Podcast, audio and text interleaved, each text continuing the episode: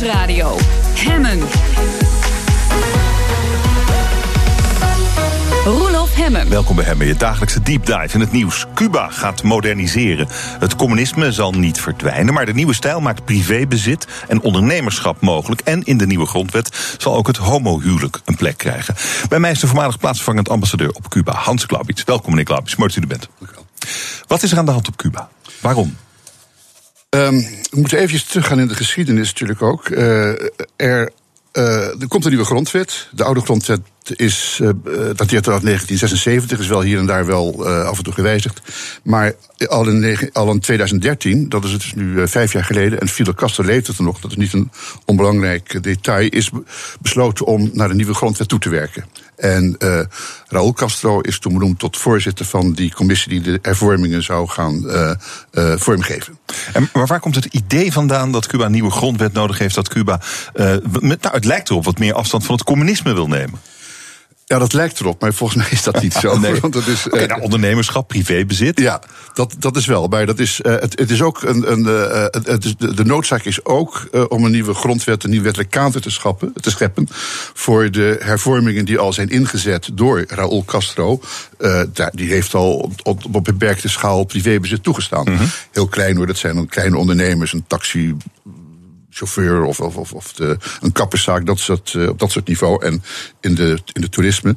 Maar uh, dat, dat, dat is allemaal in gang gezet zonder dat er eigenlijk een wettelijk kader voor is. En nu, uh, de nieuwe grondwet die definieert heel duidelijk de verschillende vormen van bezit die mogelijk zijn. Staatsbezit, privébezit, particulier bezit, uh, uh, gemengd bezit enzovoort. Kunnen we daar eens op inzoomen? Ja. Wat, voor, wat voor bezit mag nu op Cuba en waar gaat het naartoe? Heel concreet. Ja, nou, wat nu uh, mag, dat staat ook in de grondwet. En uh, daar staat duidelijk in, uh, in artikel 14, 15 van de huidige grondwet, dat alle grond- en productiemiddelen socialistisch staatseigendom zijn van het gehele volk. En verder niks. Verder is er niks geregeld. Nou, dan ben je gauw klaar met bezit en ondernemen. Dan ben je heel gauw klaar met bezit en ondernemen.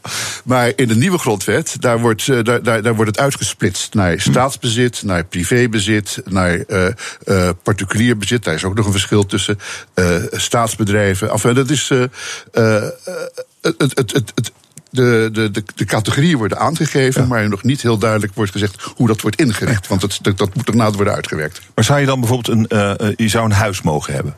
Maar, dat, zou, maar zou je er twee mogen hebben? Of drie of vier?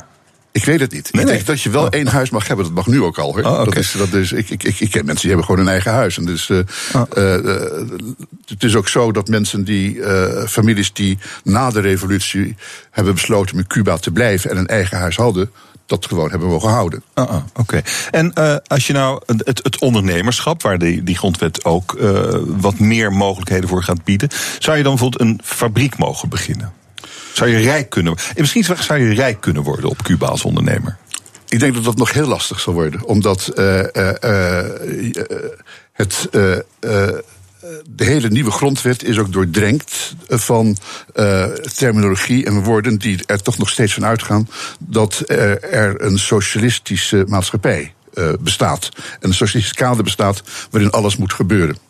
Dus, dus, dus uh, het, uh, het je ongebreideld verrijken, uh, ik denk dat dat nog heel lastig zou worden en waarschijnlijk wel onmogelijk.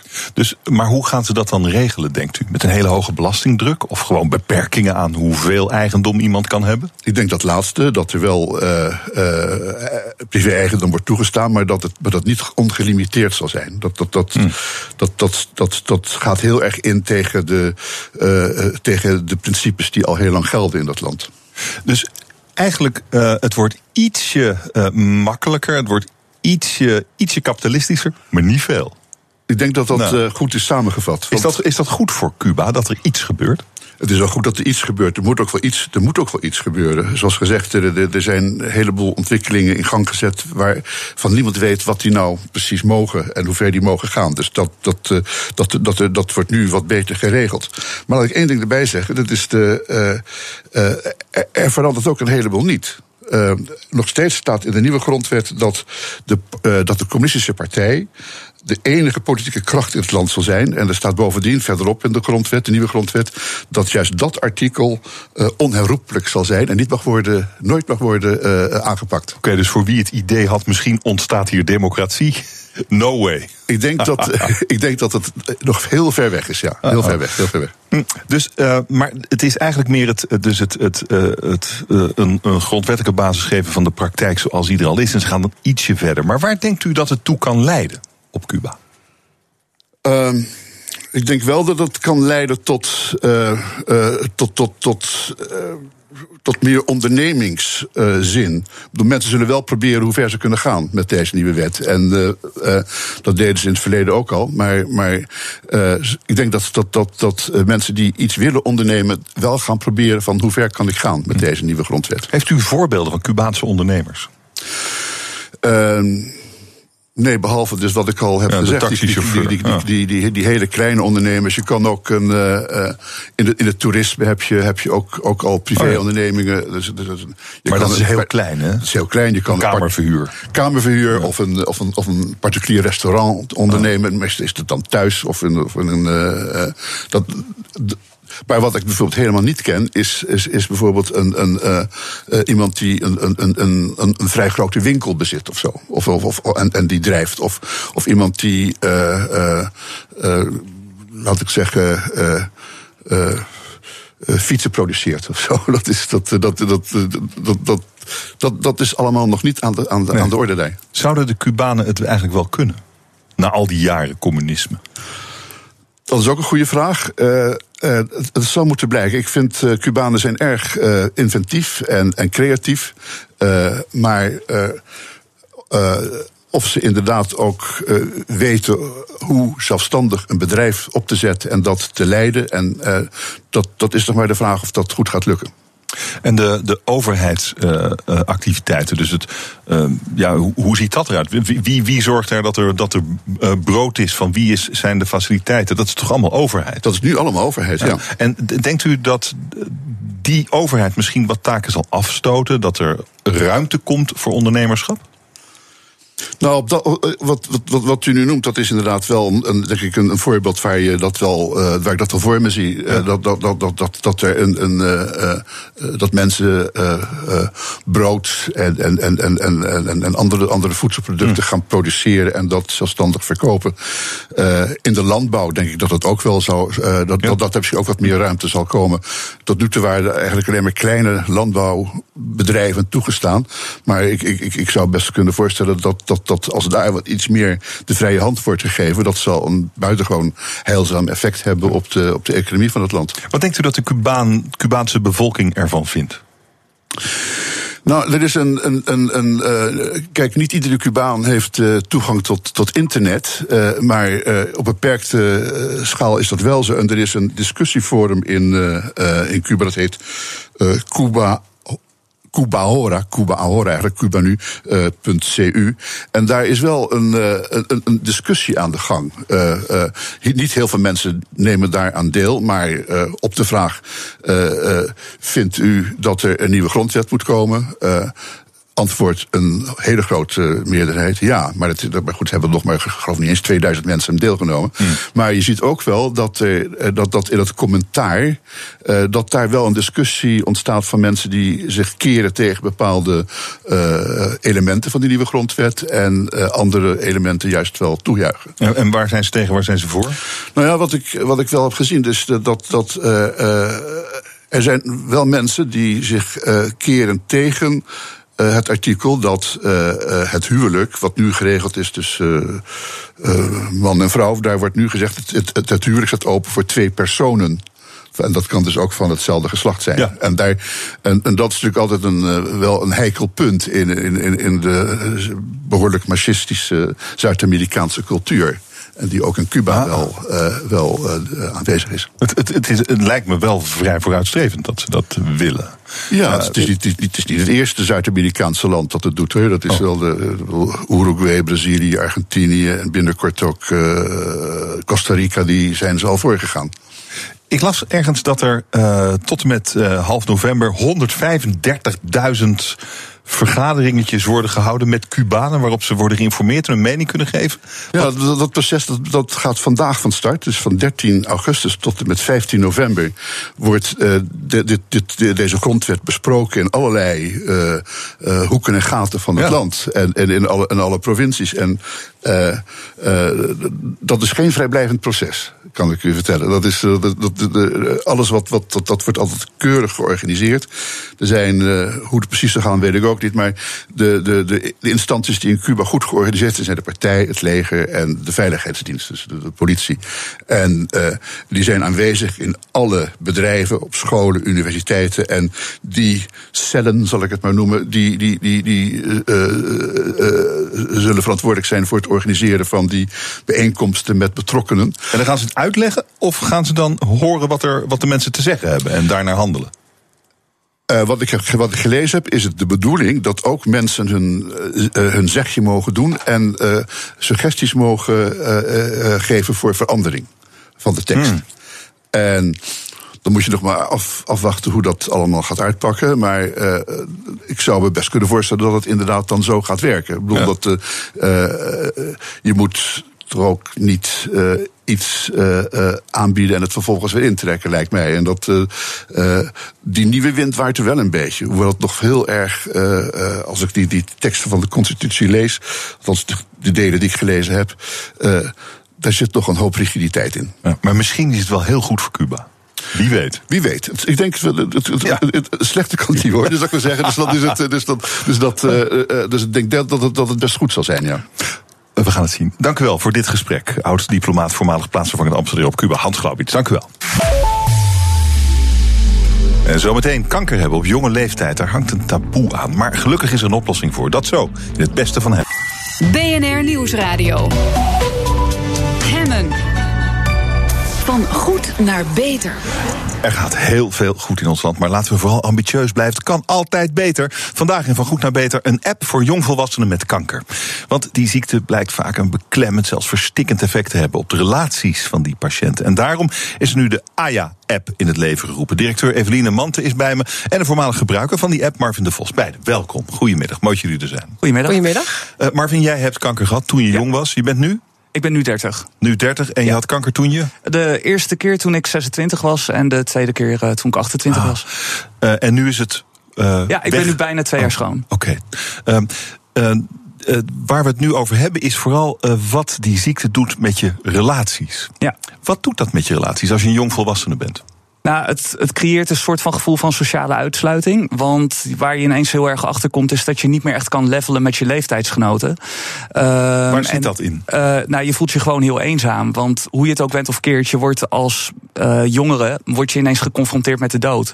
En hoewel je met heel veel vrienden en vriendinnen over honderdduizend onderwerpen kan praten, is dat gewoon iets waar je niet heel snel met hen over kan levelen. Je kunt er niet over praten eigenlijk. Nee. Zo simpel is het. Exact. Dus je wordt nog eenzamer. Want ja. ja. je ziet elkaar dan misschien ook veel minder, omdat het een moeilijk gespreksonderwerp is. Klopt, Dat als is er überhaupt daarvan. over gesproken kan worden. Aha. Want uh, mensen die zien jou ook ineens niet meer um, als de persoon met wie ze altijd bevriend waren. Ineens, ineens heb je vooral het label van kankerpatiënt. Ah. En ja, dat, ze mijden je misschien dan. Ja, dat dat is gewoon, daarom word je eenzaam. Dat ja, is wat zeker. er gebeurt. Zeker. Uh, hoe heb jij dat opgelost? Ik heb social media gebruikt. Nou, Hmm. laat ik het zo zeggen, de tweede keer. heb je dat het ik- opgelost dus eigenlijk? Ja, ja, ja, ja. De, Ja? de eerste keer dat ik, uh, dat ik ziek werd, toen heb ik vooral uh, het voor mezelf gehouden. En heb ik het aan een heel select groepje mensen heb ik het verteld. En daardoor ben ik ook best wel in een depressie beland. Omdat Ja, dat ik, was niet de oplossing. Nee, dus. nee, precies. En de tweede keer was het voor mij uh, een zaak om social media inderdaad te gebruiken. Omdat ik toen ook een langer traject inging. En toen heb ik bijvoorbeeld via Instagram heb ik een dagboek bijgehouden. Uh, ik heb WhatsApp gebruikt om mensen op de hoogte te stellen. En uh, zo heb ik ook andere mediavormen ingezet. Oké, okay, mevrouw Mante, u heeft uh, speciaal voor dit soort uh, jonge mensen als Marvin een app gemaakt. AYA-app. Ja. Wat doet die app? De AYA Match app die verbindt eigenlijk de naaste van de AYA, de omgeving, de vrienden, familie, met de AYA zelf. En wat is de AYA? bedoeling, AYA staat voor Adolescent en Young Adult. Mhm. En dat zijn mensen tussen de 18 en de 35 jaar, die dan in die periode geconfronteerd worden met kanker. Dus dat is eigenlijk voortbordurend op wat Marvin net vertelde. Via social media gewoon uitleggen wat er met je aan de hand is, wat je nodig hebt en dat soort dingen. Ja, klopt. Eh, maar, ook hè, eh, dat je zeg maar niet als eh, kanker wordt gezien, maar als mens. Want heel vaak eh, als kanker je overkomt, dan gaat het alleen nog maar over die ziekte.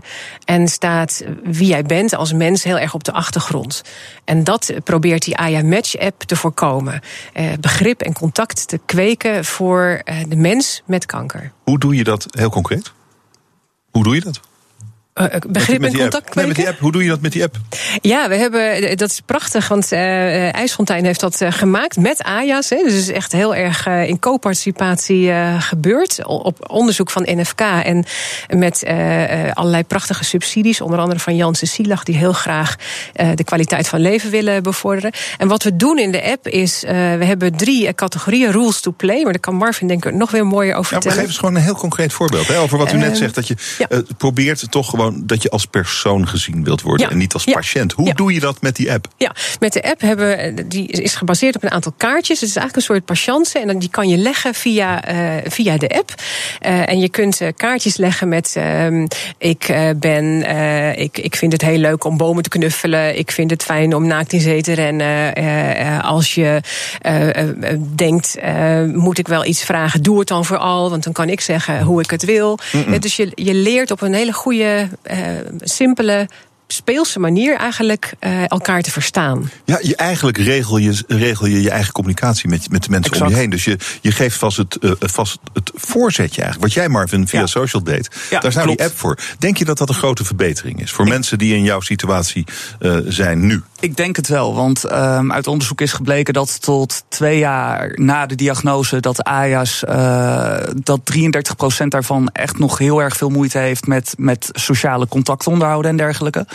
En waar de app heel erg goed voor is, is behalve het feit dat er, uh, dat er inderdaad wat speelse onderwerpen tussen zitten, er worden ook gewoon serieuzere onderwerpen aangekaart. En doordat, niet, uh, doordat je niet alles voor hoeft te kouwen, uh, kouwen, maar omdat alles eigenlijk al gewoon klaar staat, kan je de communicatie een stuk, stuk overzichtelijker maken. Ja, je begint meteen waarbij het echt om gaat. Ja, precies. Ja. En ook hele praktische dingen, toch? Ja. Hele praktische dingen. Dus niet alleen die rules to play, waarin je karakter wat meer naar voren komt eh, als mens. Maar ook uh, zaken uh, als activiteiten. Oh, ik heb vandaag iemand nodig om de boodschappen met me te doen. Of toch even naar het ziekenhuis te gaan. Of kan je morgen met mij naar de bios. Of ik heb zin om met jou op de bank te zitten en een boek te lezen. Dus hele praktische dingen. En want heel vaak wordt er ook tegen mensen gezegd: uh, je kunt me bellen hè, als, je, als je me nodig hebt. Maar ja, in je diepste ellende doe je dat natuurlijk niet. En deze app uh, die leert eigenlijk op een hele speelse manier om, om dat contact wel te hebben. De, wat me toch een beetje bezighoudt is hier dat, uh, dat je, je, deze app is voor de mensen die al om je heen zijn. Dat zijn dus je vrienden, je familie, noem het allemaal maar op. Dat, dat, er zit wel iets, een, een soort discrepantie in. Van eigenlijk zijn dat de mensen die sowieso al bij je zouden moeten zijn. Uh, waarom zijn die er dan niet zoals je ze nodig hebt op dat moment? Ja, dat vind ik een moeilijke vraag. Uh, maar ik denk dat het komt omdat kanker een enorme lading met zich meebrengt van uh, ziek, dood, ellende. Uh, levenseinde. Ja, maar is je vriend of je vriendin? Ja, maar dat is een beetje het ding. Kanker heb je niet alleen. Ja. Als AJA ben jij inderdaad degene die daadwerkelijk fysiek ziek bent. Maar het doet ook gewoon iets met je naaste omgeving. En zoals het een patiënt daadwerkelijk in zijn kern verandert, gebeurt dat ook juist bij die naaste. En uh, dat is ook uit een onderzoek gebleken van Vivian Engelen van het NFK. Uh, daaruit is ook naar voren gekomen dat echt 53% van de AJA's behoefte heeft aan zo'n digitale interventie. Juist omdat ze niet meer weten hoe ze met hun ouders, broers, zussen, uh, ooms, tantes en vrienden moeten communiceren. Ja, en het wordt vrij dramatisch. Jij vertelde ja. Marvin, je, je raakte in een depressie een paar ja, jaar geleden. Dat klopt. Dat was, uh, dat was heel heftig. Dus dan heb je kanker en ook nog een depressie. Nou, de depressie die kwam daarna. Die kwam na de kanker. Ja. Okay. Uh, want in eerste instantie zit je gewoon in uh, overlevingsstand. En uh, behalve het feit dat je zelf bezig bent met overleven, ben je ook ongelooflijk druk bezig met de emoties van al die mensen om je heen. En op het moment dat jij er weer beter uit gaat zien en mensen denken: oh, nu zal het wel weer goed gaan. Dat is eigenlijk het moment dat voor jou de emotionele klap komt. En uh, bij mij heeft dat de eerste keer geresulteerd in een depressie. Ja. En de depressie had ook te maken niet alleen met het feit dat je de kanker had gehad, maar ook dat nou ja, je vrienden opeens niet meer deden wat je verwachtte dat ze zouden doen. Nou, alles was gewoon anders. en ehm, je verandert zelf heel erg in korte tijd. En dat vergt van iedereen mm. gewoon veel aanpassingsvermogen. En ja, ik heb daar hulp bij nodig gehad om dat te verwerken. Mm. Uh, hoeveel mensen hebben die app inmiddels in gebruik, mevrouw Mant? Er zijn een, uh, uh, hij is te downloaden via de Google Ice Zeg ik dat goed, Marvin? de App Store, en uh, Google Play. En uh, we weten dat uh, inmiddels heel veel mensen hem gebruiken. Een aantal, nou, honderd keer al gedownload 100. is. ja, meer dan honderd keer. Um, er zijn veel meer kankerpatiënten. Ja, ook jonge kankerpatiënten. Ja, Wat is uw doel? Wat is uw doel? Ja, het, nou, het doel is eigenlijk dat veel mensen hem hmm. spotten. En daarom helpt dit natuurlijk ook. en dat mensen hem gaan gebruiken en inzetten. En daar doen we ook onderzoek aan. Van, werkt dit eigenlijk wel? Ehm, eh, kan je goed contact en begrip eh, krijgen met deze app? Werkt het dan ook door? Of is het een soort appetizer en cannibaliseert het? Dat is allemaal prima. Um, dus daar doen we onderzoek uh, aan. Zou dit, uh, dit, dit richt zich nu op mensen tussen 18 en 35. Uh, waarom niet oudere mensen? Ja. Ja, nee, dat is een prachtige vraag. Ik denk dat het een hele mooie tool is, ook voor andere patiëntgroepen, voor ouderen, voor jongeren. Hmm. En we hebben ook al uh, in kinderziekenhuizen wordt gevraagd van, goh, kom bij ons het verhaal te vertellen. Misschien kunnen we ook um, nou, op die app meeliften. Uh, en ik denk zeker dat het heel veel potentie heeft voor andere doelgroepen. En waarom noemt u hem dan AYA? Waarom dan 18 tot 35? Ja, omdat we daar begonnen zijn. Oh, oh, zou je dat moeten veranderen voor kinderen en voor ouderen? Misschien, ja. Misschien, ah ja dat moet nog blijken. Wat is voor u de reden om deze app te willen maken?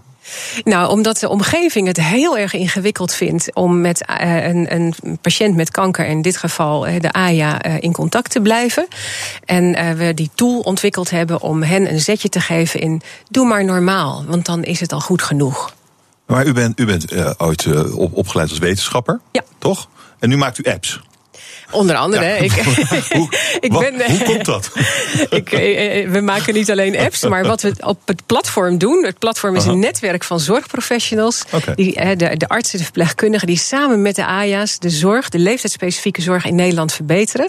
En dat doen we door AJA-polyteams neer te zetten in de UMC's. Met een echelon aan uh, algemene ziekenhuizen en de huisartsen daaromheen. Want het is heel belangrijk dat mensen in, in Nederland weten dat er leeftijdsspecifieke zorg voor mensen als Marvin nodig is. Ja, zodat je je niet nog rotter voelt. Ja, dat is het eigenlijk. Dat je vrienden gewoon je vrienden kunnen zijn. En de app is maar een tool. We doen veel meer daarvan. Dank u wel voor eh, dit gesprek. Beide, uh, directeur van de AYA-app Evelien Mante en Marvin de Vos. Dank jullie wel. BNR Nieuwsradio. Hemmen. Hemmen. Fijn dat je luistert naar Hemmen, je dagelijkse deep dive in het nieuws. Vandaag over de eerste drijvende boerderij ter wereld in Rotterdam. Voedsel produceren in de stad, dicht bij de mensen die het nodig hebben. Ik ga erover praten met eh, Peter van Wingerder. Hij is een van de initiatiefnemers van eh, deze drijvende boerderij. En Marcel Vijn is ook hier. Hij is onderzoeker stad-landrelaties bij Wageningen Research. Heren, goedemiddag. Mooi dat jullie er zijn. Ja, dankjewel. Meneer van Wingerder, wat gaat u maken in Rotterdam? Wij gaan een, eh, een hele iconische, duurzame en dus drijvende boerderij maken. Midden in de stad, in de haven van Rotterdam. Heel dicht bij, eh, bij de consument. Om te laten zien dat gezond voedsel in onze beleving produceer daar waar de vraag is, dus bij de consument. Het wordt een iconisch gebouw bestaande uit drie lagen. Wij noemen dat drie landschappen, drie landschappen die we stapelen. Het is een maritiem landschap, het zogenaamde drijvende landschap, waar we veel onderzoek naar hebben gedaan. Het is een boot. Het is een, eh, een, een, drijf, een drijflichaam, een boot Een drijflichaam. Ja. Een, een, een, boot vaart, dus het heeft een hele andere vorm. Een drijvend eiland. En het is een drijvend eiland. Hmm. Volledig stabiel, uh, daar hebben we veel onderzoek naar gedaan. Hoe groot ongeveer? Uh, iets van duizend vierkante meter. Oké, en dan uh, drie lagen? Drie lagen, dus we beginnen met het maritieme landschap. Daarboven zit een proceslandschap. Wat bedoelt u met maritiem landschap? Nou, het is een, een drijvend lichaam, dus het is, er zit veel watertechnologie, waterkennis in om het stabiel te houden. Wat voor typologie materialen kies je daarvoor? Uh, hoe onderhoudsgevoelig ben je? Is het zoutwater, zoetwater? Uh, hoe zit de wind en golfslag? Dus er zit veel waterkundig uh, engineeringswerk in. Mm -hmm. Um, dat is het onderste landschap. Daarboven komt een proceslandschap. In het proceslandschap is een stukje procesindustrie. Waar wij... Dit moet iets concreet, want u raakt me kwijt. Wat, wat bedoelt u met een, een, een stukje proceslandschap? Nou, daar gaan wij melk verwaarden naar yoghurt. Dus dat verwerken we Ah, daar. Dus daar zit ja. de zuivelindustrie zit daar. Daar gaan we ook mest en urine verwerken naar nieuwe nutriënten die we terugvoeren in de stad. Eh daar gaan we bezoekers ontvangen. Daar gaan we educatie verrichten aan, aan mensen die komen kijken. Dus dat is de tweede laag. En daarboven staat de actuele stal. En in die stal lopen 40 koeien. Dus het zijn drie verschillende gestapelde landschappen op elkaar. En het geheel maakt een heel ja, bijzonder ontwerp. En het is een soort zelfvoorzienend systeem, want ja, die koeien moeten eten. En ik heb u eigenlijk niet horen vertellen waar dat eten vandaan komt. Nou, ik ben blij dat je het vraagt. Het is een, voor ons een heel belangrijk aspect. Wij zijn eh, onderdeel van wat wij noemen de circulaire stad. Dus onze dieren worden gevoed door, door eh, groene restafvalstromen uit de stad. Eh, die restafvalstromen worden gecontroleerd op eiwitten, vitamine, mineralen en dergelijke. Zo stellen wij een voedselpatroon samen voor de dieren. Dat geven we aan de dieren. En de dieren waarderen die restafvalstromen op naar menselijk voedsel. Ja, namelijk melk. En daar maakt u melk yoghurt van. en, en, en precies, en yoghurt en, en kaas en dergelijke. Oh, Dus, kaas maakt u ook. Nee, we gaan nog geen kaas maken. We beginnen met yoghurt. Yoghurt is makkelijker. Yoghurt is een heel gezond product. Bent u boer eigenlijk, van origine? Nou, eh, ik had het laatste interview, dan noemden ze me een future farmer. Maar ik weet niet of U bent nog geen boer. Maar ik ben nog geen boer. Ik zou het wel heel graag willen worden. Maar, eh, maar ik ben het niet. Hoe komt u erop dan om dit te gaan doen? Nou, wij zijn ontwerpers en ehm, eh, ontwikkelaars van, van drijvende gekkigheid, zeggen we vaak zelf, op het water. We willen graag hele bijzondere gebouwen ontwerpen en ontwikkelen en laten zien aan de wereld dat daar de ruimte ligt. De ruimte om te innoveren, de ruimte om te groeien, maar ook ruimte om te zoeken naar nieuwe technologieën. En ehm, in een van die plannen eh, hebben we gezegd van misschien wordt het tijd om ook eh, voedsel te gaan maken op zee. In onze drijvende steden. En, en zo zijn we een beetje gaan schetsen. We zijn begonnen met het meest moeilijke. Hoe ga je grote dieren houden op zee? Ja. En uiteindelijk Nou ja, gaan we dus- in de haven van Rotterdam is nog geen en- zee. maar inmiddels is het dus nu omgekeerd van, de, van dat zeeconcept naar, naar hoe gaan we de bestaande stad voeden op een, wat wij zeggen, klimaatadaptieve manier. Dus het maakt niet uit hoe hard het regent, hoe hoog het water stijgt. Wij kunnen altijd voedsel maken eh, in de stad. Eh, Oké, dus zo bent u, nou straks bent u dan boer. Eh, meneer Vijn, dit is eigenlijk uw specialisme, stad-land relaties hè, in Wageningen. Mhm. Daar bent u, op dat gebied bent u, bent u onderzoeker. Wat vindt u van dit idee, van dit concept? Ja, ik denk dat het een hele goede manier is om, eh, om eh, ja, de problemen waar we voor staan in de wereld eh, het hoofd te bieden. He, je ziet dat we steeds meer mensen moeten gaan voeden. We- een paar jaar geleden spraken we nog over dat we naar 9 miljard mensen gaan. Nou, het lijkt er nu wel op dat we naar, naar 10 miljard mensen gaan. En aan de andere kant zie je dat deze mensen ook allemaal gaan wonen in de vruchtbare delta's. Dus we hebben eigenlijk twee problemen. Veel meer monden te voeden. En aan de andere kant minder vruchtbare landbouwgrond. Ja, dat betekent dat we, eh, dat we nieuwe innovatieve manieren moeten gaan verzinnen om al die monden te voeden. En ik denk dat een van de manieren daarvoor is om landbouw te gaan bedrijven op, eh, op drijvende eilanden. En dat kan zijn met dieren, hè, zoals meneer hier doet. Maar dat kan natuurlijk ook op plantaardig zijn, met, met kassen of met open teelten.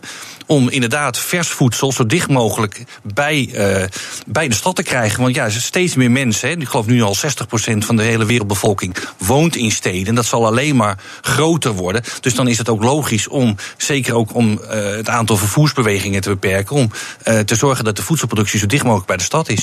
Dus nou ja, nu hebben we dan in Rotterdam, dat is toch een grote stad, eh 40 koeien. Ja. Dat is nog best weinig. En er is natuurlijk ook nog geen sprake van landbouwteelten. Dus als, je nou, eh, als nou een stad zich. Een stad, Rotterdam gewoon eens nemen. Als een stad als Rotterdam zichzelf zou moeten voeden. eh, wat moet meneer Van Wingen er dan nog meer gaan doen? Hoeveel is er nodig? Wat denkt u? Nou, we hebben wel eens berekeningen gedaan. Ik weet het niet uit mijn hoofd voor, uh, voor, uh, voor een stad als Utrecht. Maar dan hebben we het geloof ik wel over, over 40.000 voetbalvelden die we nodig hebben. Natuurlijk ook al om het voedsel te produceren voor al die dieren. Hè. Maar waar het, waar het hier om gaat is denk ik... Kijk, we, we zullen het nooit uh, granen of aardappels hè, of, of teel, mais, teelten die heel veel ruimte nodig hebben. Dat, zullen, dat, dat, dat is niet logisch. Nee. Dat kan wel, maar dat lijkt niet, is niet heel logisch. Wat je wil doen is producten die die heel snel bederfbaar zijn. Hè. Denk aan, aan, aan, aan, aan, aan slagenwassen. Hè. Dat wil je heel hm. snel bij, bij de consument hebben, want anders is het al verpieterd voordat dat bij de. Hè. Je kan me ook oh, ja. voorstellen met, met, met melkproducten of andere producten. Kijk, daar is het interessant voor. En wat misschien ook wel interessant is om te zeggen is van hè, eh, als het gaat om het voeden van, van de wereld, dan, dan denken we heel vaak aan calorieën. Hè, dat, dat mensen te weinig calorieën binnen zouden krijgen. Maar eigenlijk is een groter probleem is dat mensen niet de juiste vitamines en mineralen binnenkrijgen. Dus ze krijgen wel genoeg calorieën binnen. Hè, bijvoorbeeld eh, als je heel veel Heel veel mensen op de wereld eten rijst.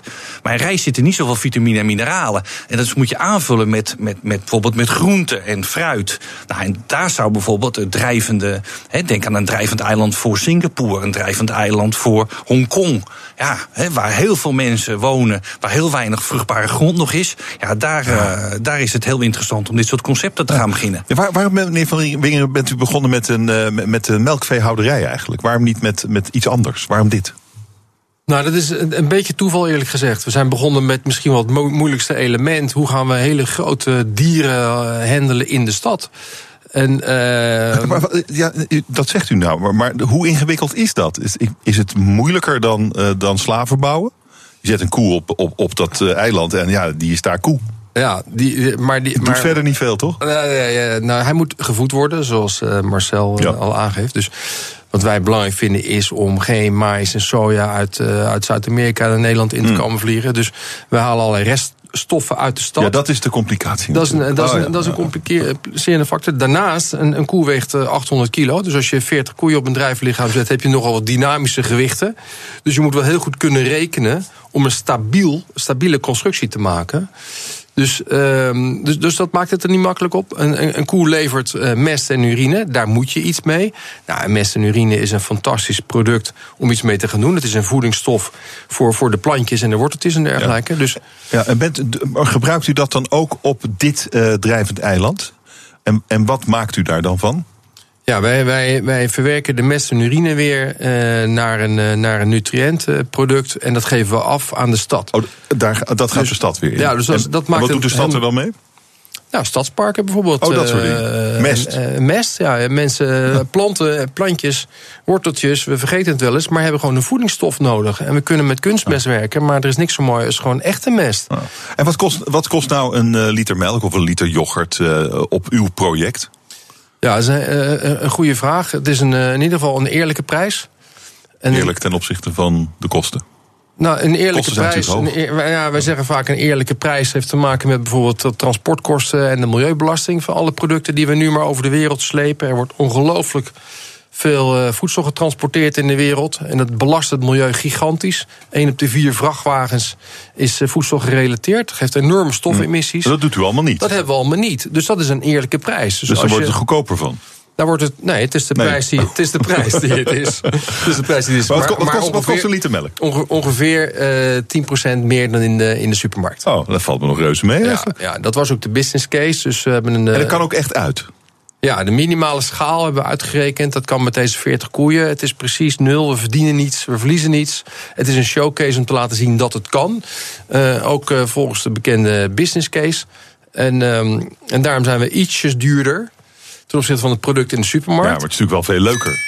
Ja, het is een eerlijk product. Hoe, hoe, heet, hoe heet het eigenlijk? Hoe heet, wat staat er op het, uh, op het pak? Ja, dat gaan we nog lanceren. Ja, kom op. Nee, dat gaan we nog lanceren. Nee, we, we, er speelt te veel leuke dingen allemaal. Maar die, die, die campagne die gaan we nog lanceren. Hij gaat van de zomer gaat het allemaal gebeuren. Van de zomer gaat het gebeuren. I, I, dat gaat u ook echt halen? Ja, we zitten september, oktober is, en dan is de opening. Oh, dat is na de zomer eigenlijk. Nou ja, dus in de zomermaanden. Meneer Vijn, onderzoeker in uh, Wageningen. Uh, wat, mist, wat mist u nou in het verhaal van Van Winger? Dat klinkt allemaal uh, prachtig, maar u bent een wetenschapper. Wat mist u? Um, nou, wat ik denk, wat heel interessant is, is dat het hier een showcase betreft. Uh, ik denk dat het uh, voor Rotterdam, wat beleving is, is heel mooi. Maar laten we wel wezen, in Nederland hebben we natuurlijk heel veel koeien. Hè, misschien wel te veel koeien. Um, uh, maar ik denk dat, dat het leuk is dat dit concept interessant, ik denk interessanter kan zijn in andere delen van de wereld. Waar het veel moeilijker is om, om, om koeien te houden. Hè, en denk aan, aan warme landen. Als je op zee, op zee of op water hm. koeien houdt, ja, dan is het een stuk koeler. Hè. Koeien hebben het al warm bij, bij 20 graden. Dus die staan liever op, op het water dan uh, in de woestijn. Ja, die drijvende melkveehouderij in Rotterdam. Het is de showcase voor de rest van de wereld. En daar gaan we het zo over BNR Nieuwsradio. Hemmen komt een drijvende melkveehouderij in de haven van Rotterdam. En ik praat erover met Peter van Wingerden, een van de initiatiefnemers daarvan. En met Marcel Vijn, hij is onderzoeker stad-landrelaties in Wageningen. Uh, we hadden het erover, meneer van Wingerden. Dit is uh, showcase voor de rest van de wereld, zei meneer Vijn. Uh, nou ja, is er belangstelling uit de wereld? Ja, gigantisch is echt enorm. Het is, eh, we hebben eigenlijk geen idee wat, wat er over ons heen komt. Uh, iedere dag krijgen we verzoeken voor interviews. We doen lezingen echt in de hele wereld. En er komen televisieploegen aan ons vragen... wie, zijn die mensen die zoiets bijzonders verzinnen. Dus er is heel veel belangstelling. En uh, Marcel gaf net al aan... steden dijen maar uit. Uh, steden worden maar groter en groter. Mensen raken steeds verder van hun dagelijkse voedsel. Mm. En dan hebben we het over gezond voedsel. Het is niet zo moeilijk om voedsel te maken, maar wel gezond voedsel. Uh, dat is één, maar steden hebben ook steeds minder ruimte. Uh, Singapore werd net genoemd. we zijn heel erg in belangstelling van Singapore. Om, om wat te gaan doen? Om daar zo'nzelfde project uit te rollen? Ja, Singapore heeft heel veel water om, om, haar stad heen. Maar ook heel veel water in haar stad. Allerlei waterreservoirs wat ze hebben. Die nu nutteloos liggen te liggen als waterreservoir. Die zou je heel goed kunnen stekken met functies erop om iets mee te gaan doen. Dus voedselproductie in dit geval. Dus dat is heel erg interessant. We krijgen daar veel vragen over. Maar ook steden als, als, als, als Shanghai en, en Chengdu en uh, dus er is heel veel belangstelling. Want wat u goed kan, is dus uh, het, de, de, de onderkant uh, regelen. Het, het, de fabriek regelen eigenlijk die nodig is om zo'n systeem te laten draaien. Of het nou koeien zijn of iets anders. Dat is wat u doet, hè? En daar ja. is die belangstelling dan voor. Het gaat eigenlijk niet om de koeien, het gaat om het systeem. Het, ja. Dat maakt het geheel, dat maakt het heel compact. We kijken heel erg naar hoe kun je compactiseren, hoe kun je het stabiel maken. Maar ook vooral naar kleinere, compactere schaal toch iets rendabel maken. En aan de wereld laten zien hm. dat gezond voedsel maken hoort in de stad thuis. Uh, en dat is ons ding. Ja. Fijn, dit is, uh, u ziet hier ook wel potentieel in. Dit is, u zei net uh, voor de break, van dit, dit kan gewoon, zeker in, in warmere landen, echt een, een topproduct zijn. Kijk, we moeten niet vergeten dat uh, uh, drijvende landbouw, dat bestaat al duizenden jaren. He, in Zuid-Amerika werd het al gedaan. En nu zie je nog steeds dat er uh, drijvende landbouw is in landen als Bangladesh, mm. in Myanmar, in Vietnam. Wat waar ze het op meren doen. Daar oh. doen ze het dan wel met een, een soort zeg maar waterhyacinten met riet. Daar maken ze een soort drijvende constructies van. En daar telen ze dan producten op. Wat, voor, wat, wat, wat telen ze daar dan op, de, ja, op die dat, eilandjes? Dat, dat telen ze allerlei wat, wat graan gewassen, wat, wat, wat, ja, ja. wat groentes enzovoort. enzovoort. Echt voor, voor die boeren om oh. in hun eigen levensonderhoud te voldoen. Hij heeft het eigenlijk afgekeken. Nou, het, wat dat betreft, wat dat betreft is, is, is drijvende landbouw uh, niet, uh, niet nieuw in de zin van zoals het. Nee. Maar wat we willen is natuurlijk een nieuw impuls eraan geven. En schaal. En schaal. Mm -mm. Ja, dus denk ik, hè, dus we zien, echt, we zien echt kansen voor in Nederland als het gaat om een stukje beleving, zoals in Rotterdam. Dat mensen echt zien dat, uh, dat uh, hoe die koeien gemolken worden. Hè, dat kinderen leren dat hun melk niet uit een fabriek komt, maar uit een koe. Uit de haven. Uit de haven in dit geval. Um, uh, we zien het in, in, in de tropen hè, in, op een moderne manier rond, rond, rond, rond Singapore, Hongkong en zo. En een derde, denk ik, is dat we het zien. En dan, dan gaan we veel meer naar een soort low-tech-achtig uh, mogelijkheid om te kijken hoe kunnen we in Bangladesh en zo, waar ze dat nu allemaal met organisch materiaal doen, wat gewoon verrot en dan moeten ze weer helemaal opnieuw beginnen. Hoe, zul je daar, hoe kun je daar nou drijvende constructies? Een land als Bangladesh, dat is vorig jaar nou, ik meen tussen de helft en voor twee derde onder water gelopen. Dat kunnen wij ons helemaal niet voorstellen. Het gebeurt er heel vaak. Het gebeurt er heel vaak. Dus je ziet dat dat een land is met ontzettende uh, bevolkingsdruk. Uh, en wat, wat, wat, waar ook nog eens een keer twee derde van de landbouwgrond een deel van, van het jaar onder water staat. Ja, dus daar, daar, daar moet je eigenlijk bijna wel uh, drijvend gaan telen. Maar meneer Van Wingler, daar, daar ligt uw markt dus in, in dat soort gebieden. Ja, 100%. Bangladesh is echt een, een, een, eigenlijk een dramatisch, maar ook een heel goed voorbeeld. Het eh, overstroomt iedere dag inderdaad. Het, uh, men, kan zichzelf niet voeden. Dus we blijven maar voedsel transporteren en verschepen die kant op. Terwijl wij moeten zeggen, mensen moeten zelf voedsel kunnen maken... en in hun eigen voedselvoorziening kunnen voorzien. Dus, dus Bangladesh is, is iets waar we heel snel aan de slag zouden kunnen om de lokale bevolking te helpen. Waar, waar hangt dat vanaf? Ja, geld. U moet het moet natuurlijk wel betaald worden. Iemand moet een opdracht geven. Iemand moet een opdracht geven. Wie zou dat kunnen zijn? Nou, dat, dat zou de lokale uh, regering in Bangladesh kunnen zijn. Maar ik denk ook, hè, als ik zo vrij mag zijn, ik denk ook, hè, we staan hier echt op de, op, de, op, de, op, de, op de rand van een nieuwe revolutie. Ook in, in, in, in de telen, uh, in het produceren van voedsel. Ik denk eigenlijk ook dat de Nederlandse overheid hier een, een rol in heeft. Hè. Hoe dan? Om, nou, ik denk ook om. Uh, wat je nu ziet is natuurlijk dat, uh, dat, dat heel veel onderzoek direct gekoppeld is aan een bijdrage van het bedrijfsleven, het, het zogenaamde topsectorenbeleid.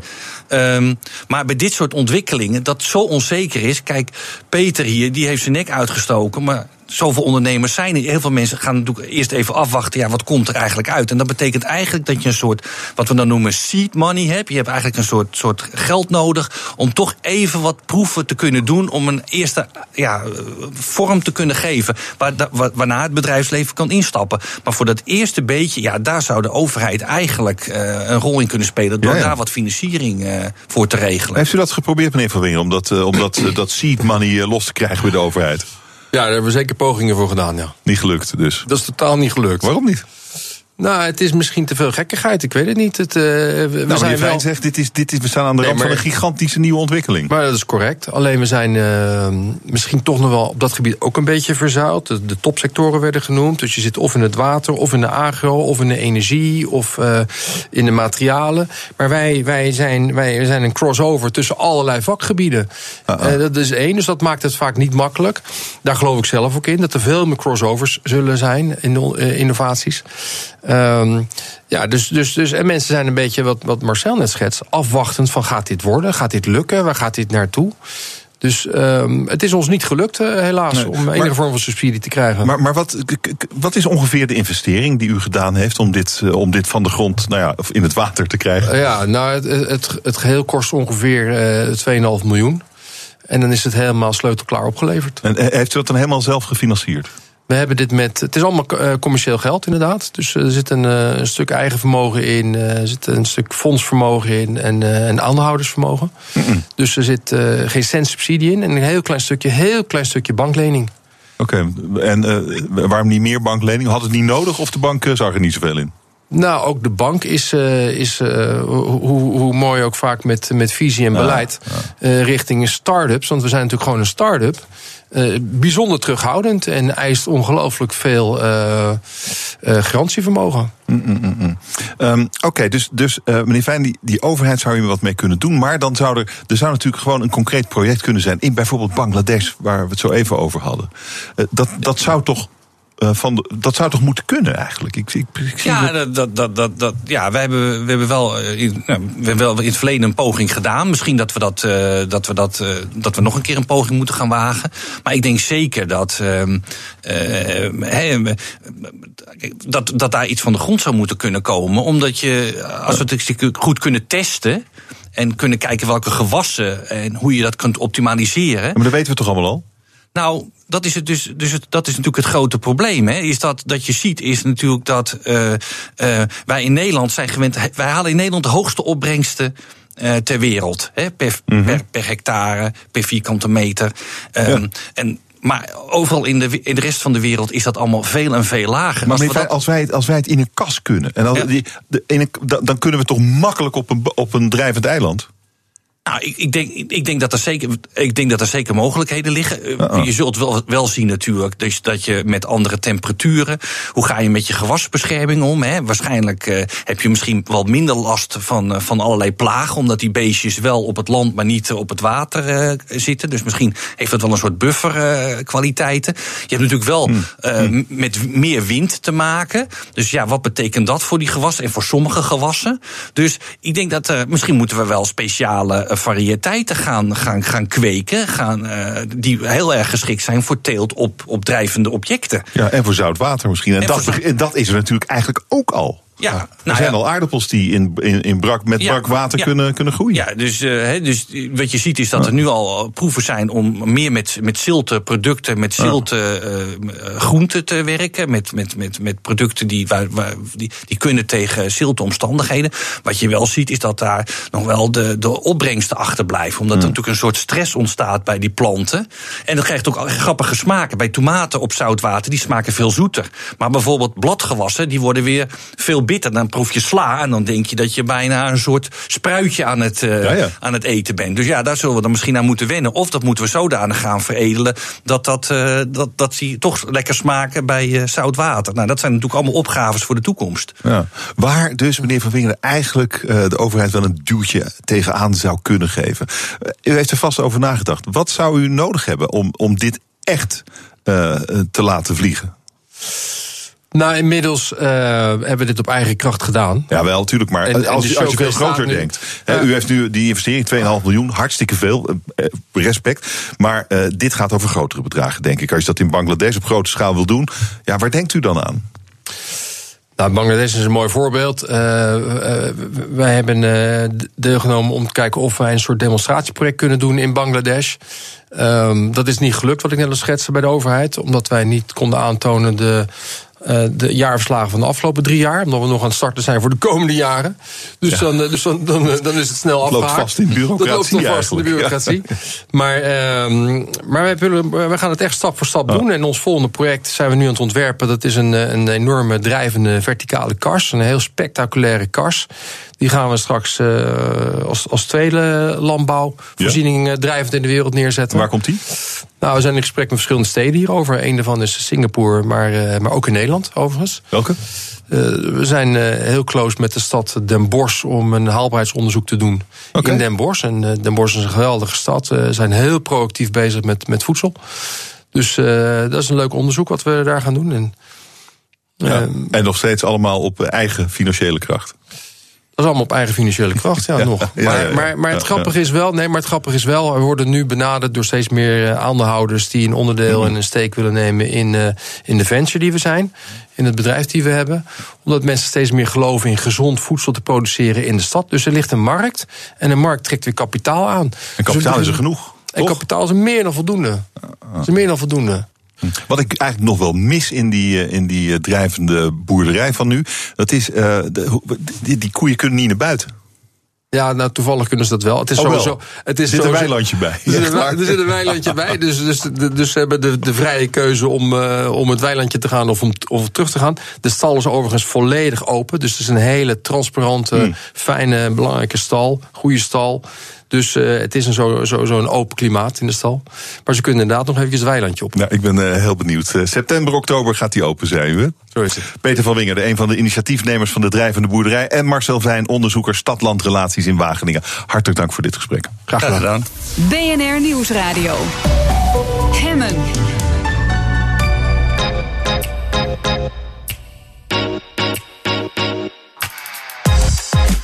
In de zomer gaat ook hem op vakantie. Daarom spreek ik elke dag een van onze leukste gasten vanaf een vakantieadres. Vandaag Huip Hudig, presentatiecoach bij Speak to Inspire. Hi Huip. Ha, hoe is het daar? Ja, met, hier is het goed. Hoe is het met jou? Waar ben je? Ja, uitstekend. Ik zit uh, in de Dordogne in Frankrijk. Okay. Uh, in de buurt van het plaatsje Nontron. In een heel klein gehucht dat bestaat uit een stuk of zes huizen en dat heet Rapie. En, en waar, waarom heb je dat gehucht uitgekozen voor je vakantie? Nou, dat gezicht heb ik uitgekozen omdat mijn vader hier een oude boerderij ooit gekocht heeft. Die hij uh, samen met zijn broers heeft opgeknapt voor mijn oma destijds, die inmiddels is overleden.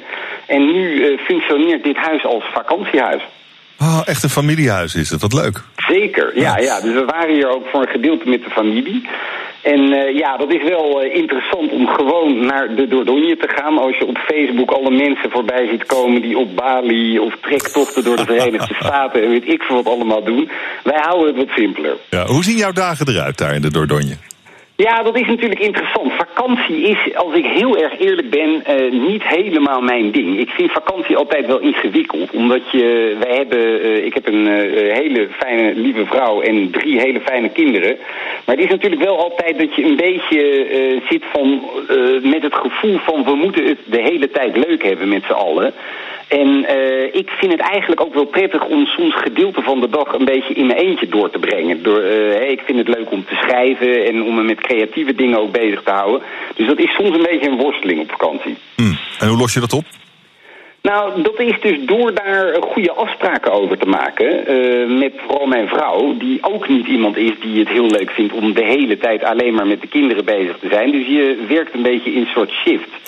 en uh, het is vooral belangrijk, denk ik, de grote valkuil op vakantie is dat je eigenlijk uh, je gaat zitten aanpassen aan wat je denkt dat andere mensen willen. En uh, de kunst is denk ik om daar met elkaar allemaal vrij open over te zijn van oké, okay, wat wil je op een dag en hoe vul je dat zo goed mogelijk in. Oké, okay. en uh, nou, het lijkt er dus toe dat jij gewoon rustig kunt schrijven een deel van de dag. Je bent een boek aan het ja. schrijven. Ja, ik ben een beetje bezig. Ja, het gaat vooral eigenlijk om. Uh, ik ben ook bezig met een langer verhaal, maar ook met kortere uh, verhalen. En uh, ja, ik vind het inderdaad heel leuk om me daar in de ochtend mee bezig te zijn. Ja, ik zeg als je zegt van je bent een boek aan het schrijven, dan ga ik het meteen een beetje downplayen. Ja, omdat je wil ja. daar geen druk op leggen. Je wil als het ware gewoon. het gaat mij echt erom om het creatieve bestaan te leiden. En ik vind het super gezellig om in de middag dus met mijn kinderen te zwemmen of een kasteeltje te bezoeken. Maar ik vind het ook wel heel lekker om in de ochtend dan even gewoon achter mijn computer te zitten met een muziekje op. Ja, en wat voor muziekje, wat voor podcast, wat voor boek, wat neem je mee aan dat soort dingen?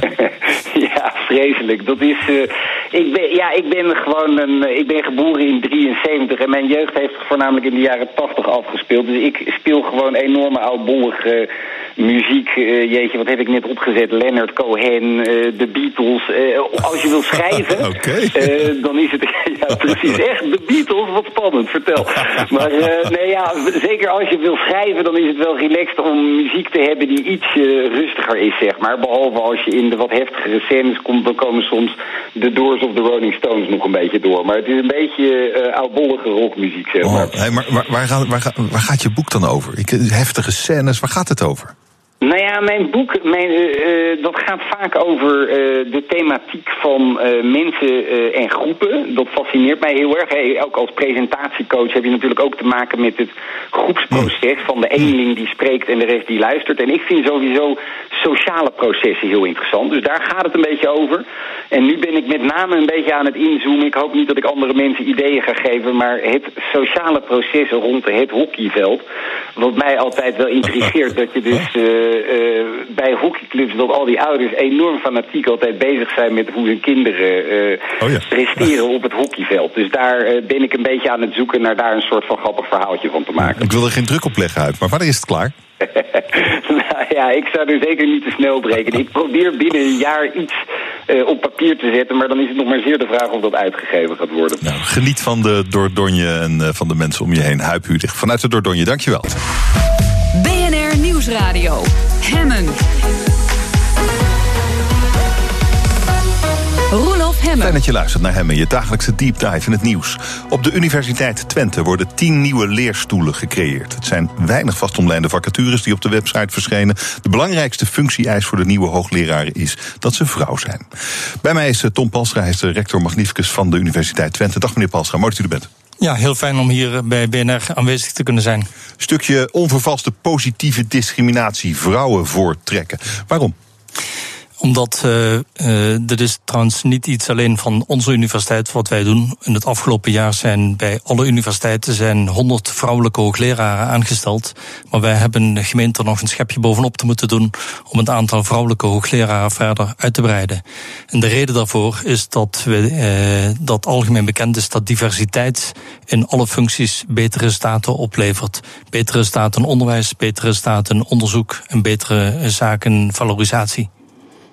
Um, het, het, betekent wel uh, dat vrouwen die in Twente hoogleraar willen worden, uh, dat nu veel makkelijker kunnen worden dan mannen. Of niet? Het betekent niet Is het niet in plaats van? Het is uh, niet in plaats van. Het staat naast het gebruikelijke benoemingsbeleid wat we doorvoeren. Mm -mm. het is gebruikelijk dat mensen kunnen doorgroeien naar een hoogleraarsfunctie.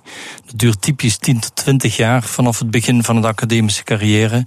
En nu gaan wij actief scouten in de markt om te kijken om het aantal vrouwelijke hoogleraren verder te vergroten. Heeft u ze al gevonden eigenlijk? Er zijn al diverse aanmeldingen die ik zelf persoonlijk gezien heb, die ook bij mezelf zijn binnengekomen. En het ziet er heel uh, goed uit. Heeft u er al tien? Uh, ik durf niet te zeggen of er tien zijn. Het is nu vakantietijd. Dus ik oh. was afgelopen week was ik zelf op vakantie. Maar ik heb geen enkele twijfel dat we die tien heel makkelijk kunnen gaan vervullen. Ja, Oké, okay, maar u zit misschien nog niet eens in de dubbele cijfers. Je zou denken, er, is een, er zijn waarschijnlijk heel veel vrouwen die hoogleraar willen worden. Er zijn heel veel mensen die hoogleraar willen worden. Ook heel veel vrouwen die hoogleraar ja. willen worden. De functie-eisen die wij stellen, die zijn uh, dezelfde als die wij stellen aan de normale hoogleraren. En daar zal dan nu een, uh, weet het, een normale hoogleraar. Hier maakt u al een onderscheid. Geestig. Uh, u kunt het geestig Ja. noemen. Uh, de vrouwelijke hoogleraren worden bij ons niet anders behandeld Oh. dan de mannelijke hoogleraren. Eh, de, de functie-eisen zijn. Het is niet heel duidelijk waarvoor u eh, deze vrouwelijke hoogleraar nodig hebt. Hè, behalve dan voor diversiteit. Het is niet zo. Wij zoeken een hoogleraar eh, ge- geologie of zoiets, weet ik veel. Eh, dat is het niet. Vrouw. En dan gaat u kijken of er een plekje is. Zo gaat het, hè? Dat is correct. Ja. De selectiemethode die wij gebruikelijk hebben, is dat wij een functie in detail beschrijven. Dat heet bij ons een eh, profielschets. En die profielschets die eh, geeft aan wat de toekomstige hoogleraar geacht wordt te doen. Wat we uit ervaring weten, en dat is niet alleen in Twente, maar dat is in vele universiteiten, is dat bij deze selectieprocedure meer mannen typisch naar voren komen dan vrouwen naar voren komen. Waarom en zou dat dat willen wij nu doorbreken. Waarom zou dat zijn? Dat is een heel divers uh, complex van factoren, waarbij uh, meespeelt dat mannen zich soms beter weten te verkopen dan vrouwen, waarbij uh, vrouwen soms andere taken op zich hebben genomen, diversere taken dan alleen maar het onderzoeksprofiel wat, wat typisch gevraagd wordt. Er zijn een, ja, een complex aantal factoren waardoor vrouwen minder naar voren komen bij de traditionele selectiemethode. Ja, ze krijgen kinderen. Dat schijnt vaak het probleem te zijn. Toch? Ja, maar dat uh, is iets uh, dat is niet uniek voor hoogleraren. Nee. Dat is iets wat, uh, wat typisch is binnen onze maatschappij en waar we ook goed aandacht voor willen hebben. Maar dat betekent soms dat een carrière iets vertraagd kan zijn of dat een carrière een andere vorm kan krijgen. Het betekent ook dat je zorg moet hebben voor hoe de carrière van de partner eruit ziet. En dit is een complex van factoren wat je in rekening moet nemen. En als je kijkt alleen maar naar wetenschappelijke kwaliteit gezien de leeftijd, dan uh, zien wij dat mannen uh, meer in staat zijn om door te dringen tot de hoogleraarscategorie. Terwijl de kwaliteit van de vrouwen uh, net zo goed is als die van de mannen. Maar ze, ze, zijn, ze zijn wat later op dat punt gearriveerd. Is dat wat u eigenlijk zegt? Dit is een van Ja, de dingen die kan voorkomen. Oké, en dat komt dan bijvoorbeeld door de zorg thuis, die dan toch op de vrouw neerkomt. Dat is iets wat niet universeel is, maar wat Ja, ja. komt. Het is niet alleen de zorg voor kinderen, het kan ook zijn eh, zorg voor uh, ouders. Er zijn een complex aantal factoren, maar er is een tweede reden. Dat is ook dat hoogleraren worden typisch gekarakteriseerd door mensen die een redelijk uh, uh, strakke blik hebben op de wetenschap. Terwijl het ook uh, uh, in zijn algemeenheid zo is dat vrouwen een bredere kijk hebben op hun taken en zich niet alleen maar willen storten op een uh, academische carrière, maar daarbuiten ook allerlei activiteiten willen ondernemen. Mm -mm. Dus ook die diversiteit van taken, die vinden we van belang. Dat ook deze uh, zaken worden meegenomen bij de erkenning van mensen om uh, tot hoogleraar benoemd te worden. Ja. Nou, het is bij u wel nodig ook, want dus ongeveer 17% van de Twentse hoogleraren is vrouw. Uh, terwijl het landelijk geloof ik 19% is. Dus u zit er een beetje onder. Ja, het zijn allebei geen cijfers om erg trots op te zijn. Nee. Uh, hoe komt het dat u, laten we over Twente spreken, dat u maar zo weinig vrouwen heeft onder hoogleraar? 17 procent. Uh, dit is uh, inderdaad niet uniek voor Twente dat wij zo weinig vrouwen hebben. Als je kijkt, dan zie je dat het aantal studenten wat afstudeert, dat is ongeveer gelijk man, gelijk vrouw. Bij het aantal universitair docenten wordt het ongeveer 1 op uh, 4. Bij het aantal universitair hoofddocenten wordt het 1 op, sorry, 1 op 3 en dan wordt het 1 op 4. Mm -hmm. En bij hoogleraren wordt het 1 op 6. Het betekent dat onze selectieprocedures op de een of andere manier niet uh, goed uh, bijdragen aan die genderdiversiteit. En, en, maar weet u dan precies wat het is? Dat het veroorzaakt? Er is niet één knop waar we aan kunnen draaien waarmee we dit kunnen gelijkstellen. Het is iets ja. waar Nederland wel een uh, uitzonderlijke positie heeft. Hm. De academische traditie uh, in Nederland is minder gebaseerd op die van vrouwen dan, dan op die van mannen. In andere landen zie je dat er veel meer vrouwen actief zijn binnen de wetenschap. En dat is een, uh, iets waar alle universiteiten aan werken om dat uh, meer gelijk te trekken. Uh, nou bent u een van de drie leden van het college van bestuur van de Universiteit Twente. U bent dus mede verantwoordelijk voor het aanstellen van hoogleraren, denk ik. Heeft u dan, bent u dan ook wel eens bij zichzelf te raden gegaan? Heeft u gedacht, wat heb ik nou, wat heb ik daar in dat opzicht nou eigenlijk verkeerd gedaan de afgelopen jaren? En wat, uh, en wat, krijgt u dan voor antwoord van uzelf? Dat er dingen onvoldoende gedaan zijn, dat is evident. Hè? wat wij denk ik, onvoldoende gedaan hebben, is aandacht hebben voor de diversiteit in taken die mensen op zich nemen naast hun hoogleraarschap. Het hoogleraarschap is een redelijk monolithisch gedreven bezigheid dat je moet vergelijken met een topsport. Het is uh, zeer competitief. En die competitie die vergt het uiterste uh, aan inspanningen. En dat betekent dat je er redelijk weinig naast kunt doen. Nou, die activiteiten die daarnaast zouden moeten gebeuren, die verrijken, denk ik, de samenleving.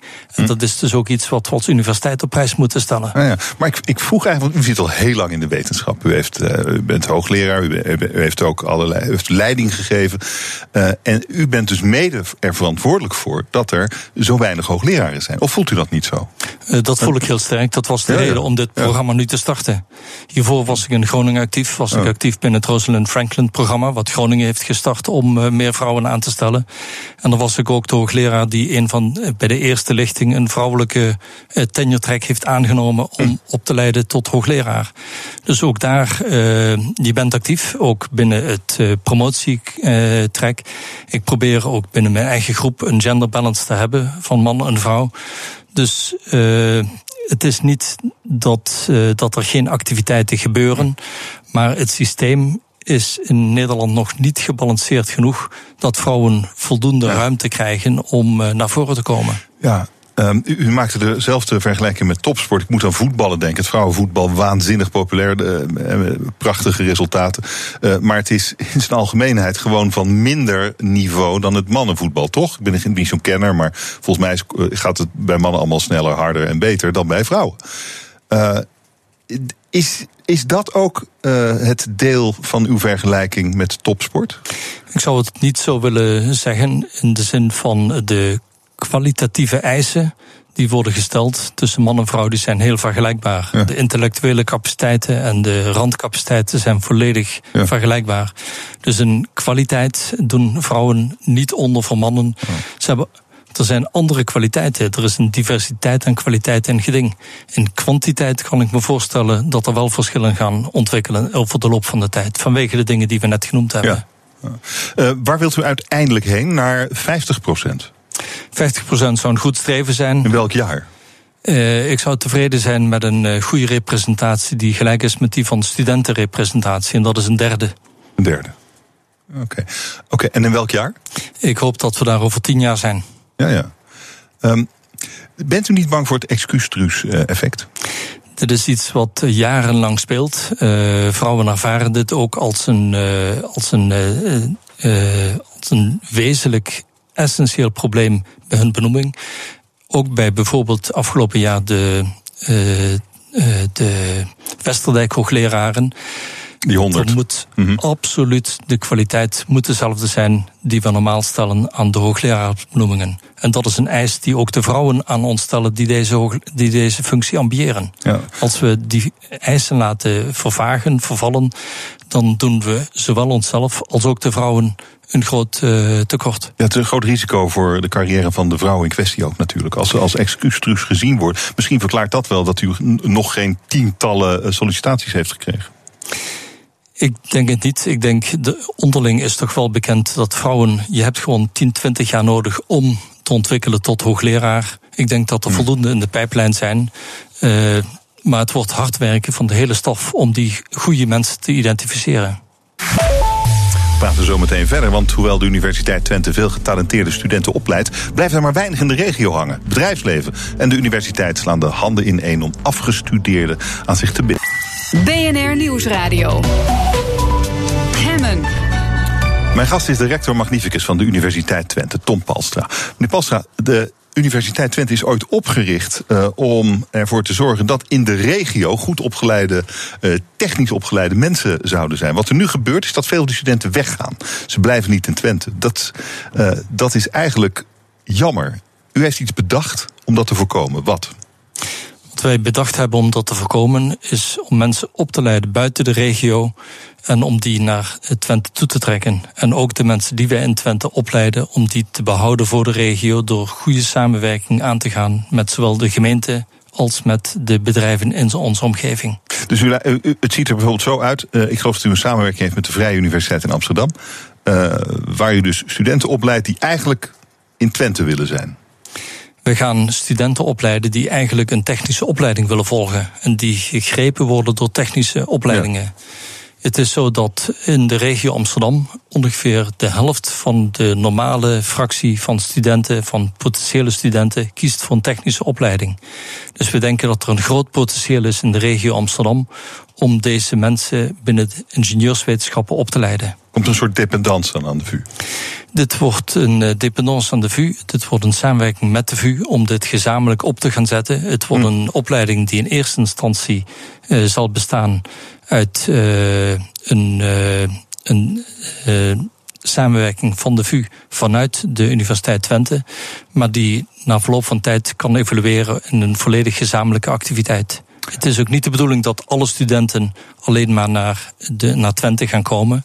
Maar de bedoeling is dat er een gelijkelijk deel in de regio Amsterdam blijft hangen, als ook uh, in de regio Twente blijft hangen. Maar hoe gaat u dat voor elkaar krijgen, dat studenten naar Twente komen? Als ze in Twente zouden willen zijn, zouden ze wel naar Twente gaan? Uh, bacheloropleidingen zijn redelijk uh, regionaal gebaseerd. Als mensen graag ingenieurswetenschappen zouden willen gaan doen in Amsterdam, dan zouden ze kunnen kiezen voor een van de uh, vier technische universiteiten.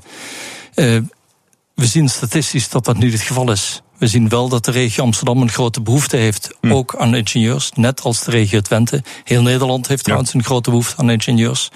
En daartoe gaan we dus in feite het potentieel van het aantal ingenieursopleidingen gaan wij vergroten. Oké. Okay. Um, en welke opleidingen specifiek komen er in, uh, in Amsterdam? De intentie, en dat hangt nog uh, op uh, toestemming van medezeggenschap en ook nog besluiten van de colleges.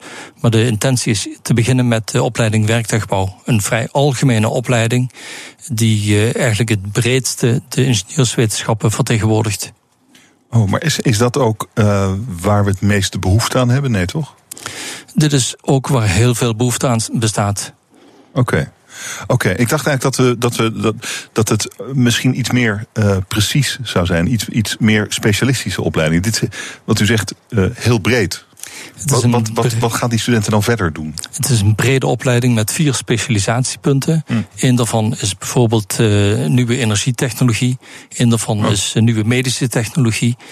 Uh, een daarvan is nieuwe maakindustrie. Het is geënt okay. op de krachten zoals we die ervaren, zowel bij uh, de regio van Twente als bij de regio van Amsterdam. En hoeveel studenten kunt u daar dan onderbrengen? Op termijn hopen wij daar 200 studenten per jaar in aan te kunnen nemen. Mm -mm. Dus ongeveer vergelijkbaar met de instroom die we nu ook in Twente in deze opleiding hebben. En uh, vervolgens uh, zouden ze zich verder kunnen specialiseren, bijvoorbeeld in Twente. Dat is dan Dat, waar u op hoopt. Dit is waar wij op uh, niet alleen hopen, dat is zoals de opleiding wordt ingericht. De opleiding wordt ingericht dat de studenten gebruik maken van faciliteiten in Twente. De reden om dit samen met de VU uh, op te zetten, is dat de VU ook momenteel nog niet de faciliteiten heeft om dit te doen. Je hebt hoogwaardig gespecialiseerde apparatuur nodig. Die staat in Twente. En die willen we daarvoor inzetten. En daarmee ook de studenten bekendmaken met de regio Twente. Oh ja. En ook de bedrijven rond de regio Twente. Dus de studenten zullen in Amsterdam uh, colleges volgen, maar vooral ook in Twente. Ze moeten toch gewoon, ze moeten toch gewoon naar Twente. Er, eh, daar is ja. geen ontkomen ja. aan. Wij en, zullen de studenten ja. vragen om een kwart van hun tijd ruwweg in Twente aanwezig te zijn. En uh, hoe heet uh, de dependance dan? Um, Universiteit Twente bij de VU of zo? Er moet eigenlijk wel Twente in zitten natuurlijk. Het is een opleiding van de Universiteit Twente die wij samen met de VU opzetten. En hoe gaat die heten dan? dat Twente is, VU? VU Twente? is nog iets wat nog onder discussie is. Waarom is dat onder discussie? Omdat het inderdaad te maken heeft met ja. hoe je je profileert, hoe ja. je je branding gaat doen. Hoe, uh, dat je ervoor zorgt dat inderdaad de studenten uit de, deze regio geïnteresseerd raken in deze opleiding. Ja. Maar het heeft ook te maken met hele uh, mondaine dingen, zoals Studielink. Hoe zorgt de uh, student ervoor dat hij ziet welke keuzes hij heeft? En dat we niet gaan uh, kapitaliseren op de opleiding die we zelf in Twente blijven draaien. Ook dat ook, ja. Ik zit even. Ut, utfu. Nee, af, qua afkortingen wordt het er niet, hè? Afkortingen zullen het niet zijn, nee. uh, Oké, en dan hebben we die studenten. Nou, u heeft ze dan een kwart van de tijd in Twente. En u wilt ze dan ook laten kennismaken met bedrijven in Twente. Want daar is natuurlijk grote behoefte aan mensen die u aflevert. Het probleem is dat ze nu weggaan. Waarom gaat iemand die in Twente is opgeleid uh, naar de Randstad? Ik, uh, ook dat is een probleem wat niet in één uh, kopje makkelijk te vangen is. Het is een complex van factoren. Wat we denken is dat studenten onvoldoende kennis hebben van de mogelijkheden van het bedrijfsleven in Twente. Dus we willen ze meer in aanraking brengen met deze bedrijven en met de, met de mogelijkheden in de regio. Momenteel uh, ziet de Randstad uit als een hele attractieve magneet voor uh, het hele land. Je ziet dat, uh, dat uit het hele land mensen richting Randstad trekken. We denken dat de andere delen van Nederland ook hele attractieve punten vormen. Bijvoorbeeld onze nabijheid met Duitsland is een heel attractief punt. We zitten maar een honderdtal kilometers af van heel veel activiteiten die we nu samen met Duitsland ondernemen. En zo zijn er nog een aantal grote act uh, ja, activiteiten die wij uh, in Twente als kwalitatief hoogwaardig zien waarom mensen naar Twente zouden moeten komen. Wat voor, wat voor banen kun je, wat, wat voor baan krijg je dan als je afgestudeerd bent straks uh, aan de, de VU, UT, nou ja, weet ik veel hoe het gaat heten. Wat voor baan heeft u dan in de aanbieding voor zo iemand in Twente? Er zijn bijvoorbeeld bedrijven uh, zoals uh, Micronet, die zich beweegt op het gebied van de microfluidica, moderne medische technologie.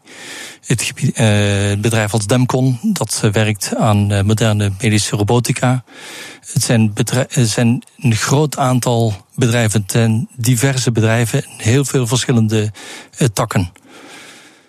Hmm. Wat is er nou mis met Twente dan? Ik begrijp het eigenlijk niet helemaal goed. Waarom willen al die studenten opgeleid worden? Of is het gewoon, ze kunnen overal terecht? Het maakt niet uit. Er is altijd een baan voor een goede, goede technisch, voor een goede ingenieur. Er is momenteel altijd een baan voor een goede ingenieur. Wat je wilt is dat je de ingenieurs kunt triggeren op hun uh, behoeftes. En wat je ziet bij de studenten is dat zij minder gaan voor salaris, maar meer voor persoonlijke ambitie. Dus ze zijn niet meer zozeer aangetrokken door de grote bedrijven, maar meer door de kleinere bedrijven waar ze hun persoonlijke ambitie sterkere mate kunnen vormgeven.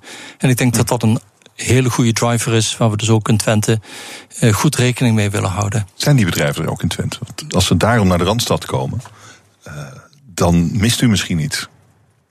Er zijn een boel bedrijven die wel in, uh, in de regio blijven. He, er is een grote traditie van de maakindustrie in Twente. Hm. Er zijn ook grote bedrijven die inderdaad naar Amsterdam gekomen zijn. Het, het grootste voorbeeld momenteel is Booking.com dat gestart is ja. door een Twentse ja. student, uh, nu in Amsterdam zetelt.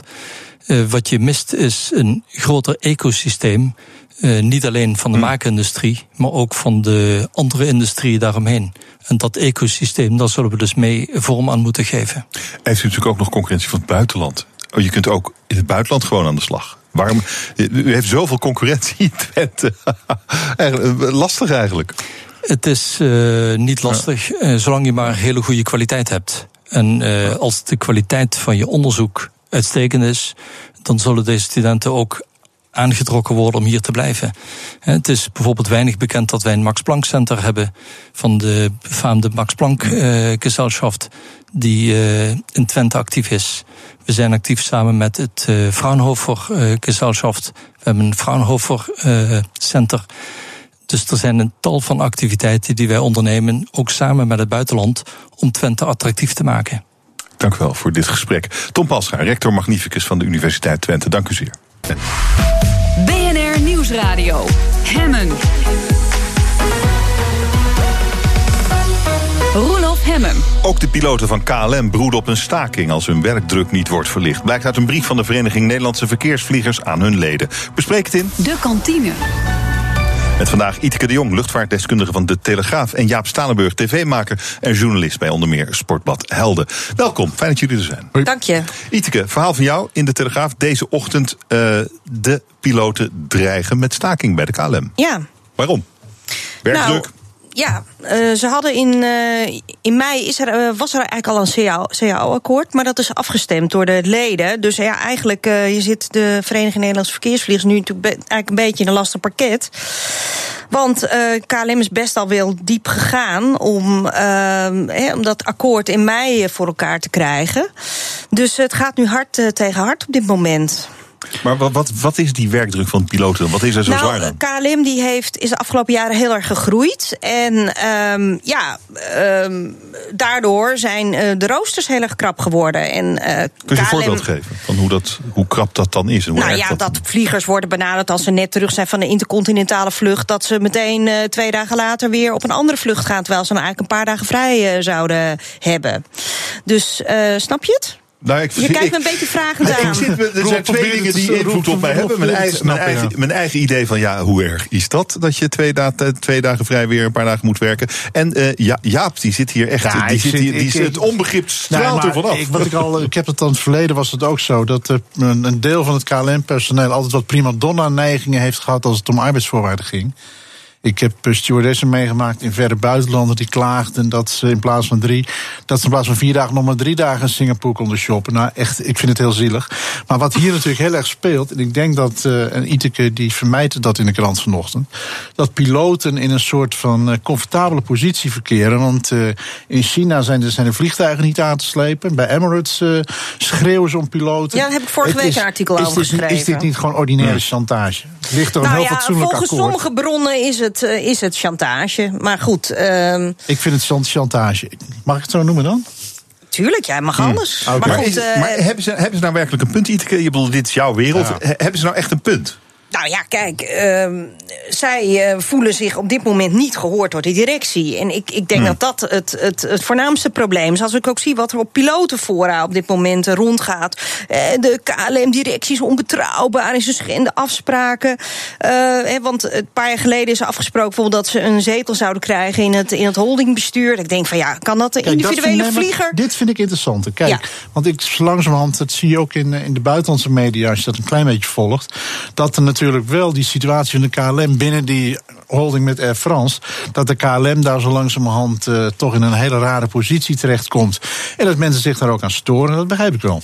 Nee, maar goed. Uh, kijk, nu zit, zijn er in Frankrijk weer stakingen aangekondigd. Nu zijn er in Nederland stakingen aangekondigd. Dat, dat je denkt van, ja, dat bedrijf is gewoon zo langzamerhand onbestuurbaar. Als dat mm. daadwerkelijk door zou gaan. Kijk, KLM maakt wel een beetje winst. Maar dat is, nou ja, heel indrukwekkend is dat natuurlijk ook weer niet. maken winst.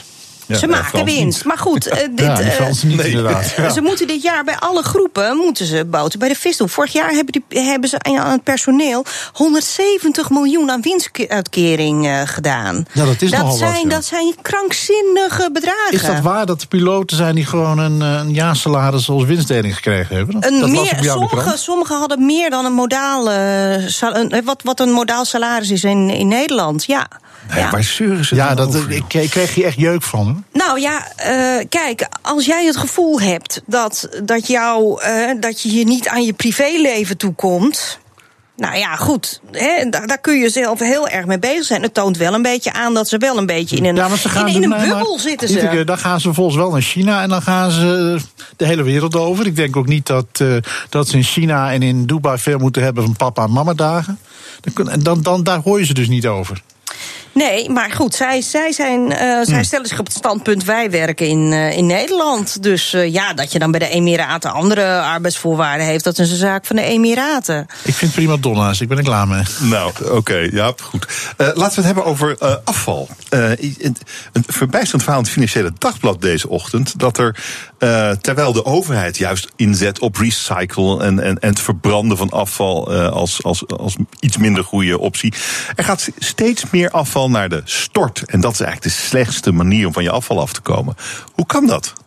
Geen idee, maar ik, het valt ja, me, het ik gaat woon, goed. We produceren te veel. Ja, ik woon, ik woon, niet, ik woon in het noorden van het land. Daar zag je altijd, uh, daar zag je altijd de treinen voorbij komen op weg naar de FAM in Wijster. Nou, ik heb eens geïnformeerd, dat draait dus niet meer. Dus ik vraag me dan af, waar gaat al dat afval heen... wat vroeger met, met honderden treinen tegelijk per nacht naar, naar Drenthe werd vervoerd, bijvoorbeeld? Nou ja, dat gaat naar verbrandingsovens, daar hebben we er nog wel een paar van. Maar er ligt nu bijvoorbeeld 600.000 ton afval te wachten op verbranding. Ja. Blijkbaar is er niet genoeg capaciteit. Er is niet genoeg Nou, capaciteit. ik kan zeggen, bij mij in. Friesland er staan enorme afval- afvalbergen. Dus eh, Nou, maar daar was toch heel veel gedoe om een, eh, om een nieuwe verbrandingsoven in Harlingen? in Harlingen klopt. Ja, maar wat. Nou ja, er speelt ook een paar dingen. Kijk, eh, het, wordt, het wordt ook steeds meer gebruikt, heb ik de indruk, als landschapsverfraaiing. Dan ligt er ergens weer een heuvel en dan wordt er een recreatiegedoe omheen Hmm. gezet. Eén. Twee is dat er natuurlijk, en dat, dat, is, dat is een gegeven in deze tijd, dat eh, het bouwen van een verbrandingsoven niet zo eenvoudig meer is. Want dan komt er een hele dorp in opstand en er worden bezwaarprocedures. Ik denk dat, eh, dat daarmee ook, eh, laten we zeggen, netjes zeggen, de, de milieufreaks toch wel een probleem zijn. Of Maar ja, weet je wat ik thuis aan het doen ben? Ik ben dus een plastics, papier, eh, eh, biologisch afval, tuin. Ik ben het allemaal aan het scheiden. Ik heb een stuk of vier vuilnisbakken. Ja, en dan pleuren ze het allemaal op elkaar geflikkerd weer. Nou ja. Ja, echt. Nee, dus de nieuwste afvalcentrales die, Ja. kunnen, die kunnen dat veel sneller en efficiënter dan dat jij eh, daarmee bezig bent. Dat is een soort van werkverschaffing. Ja. Dat is een soort van opvoeding. Hè, de gemeenten leggen dat op aan hun burgers uit een soort van... nou ja, de mensen hebben nog niet genoeg te doen. Nee, maar ik moet het ook echt doen. Ja, nou maar- ja. Ja, eh, maar eh, doe je het dan ook? Ik Ja. denk van ja, ze hebben daar gewoon machines voor. Ja, en, dat heb ik ook. eh, Klaar. Nee, nee, dat, dat doen wij wel. Ja. Ik zal er eens over nadenken. Ja, je moet, nou, ze doen het wel slim. Want als je te veel van het een of het ander... dan moet je echt bizar veel meer gaan betalen ook. Ja, dat is het ook. Ja, en er is nog een tweede probleem, komt erbij. Wat ik, wat ik eigenlijk nog net zo ernstig vind. Dat speelt op het platteland. En dan gaat het niet alleen om eh, afval, bijvoorbeeld van het, van het maken van ecstasy. Maar steeds meer mensen kunnen al die, al die lasten niet meer betalen. Of willen dat uitsparen. Die flikkeren gewoon die vuilniszakken gewoon op parkeerplaatsen neer. En, of gewoon midden op een weiland. Dat dit begint bijvoorbeeld eh, in het noorden van het land een heel groot probleem te worden. Ja, gooi En het de afvalstoffenheffing, ja, het, is op zich het, het is een paar honderd euro hier in Amsterdam. Maar de Ja. afgelopen jaren is het toch stiekem fors eh, omhoog gegaan.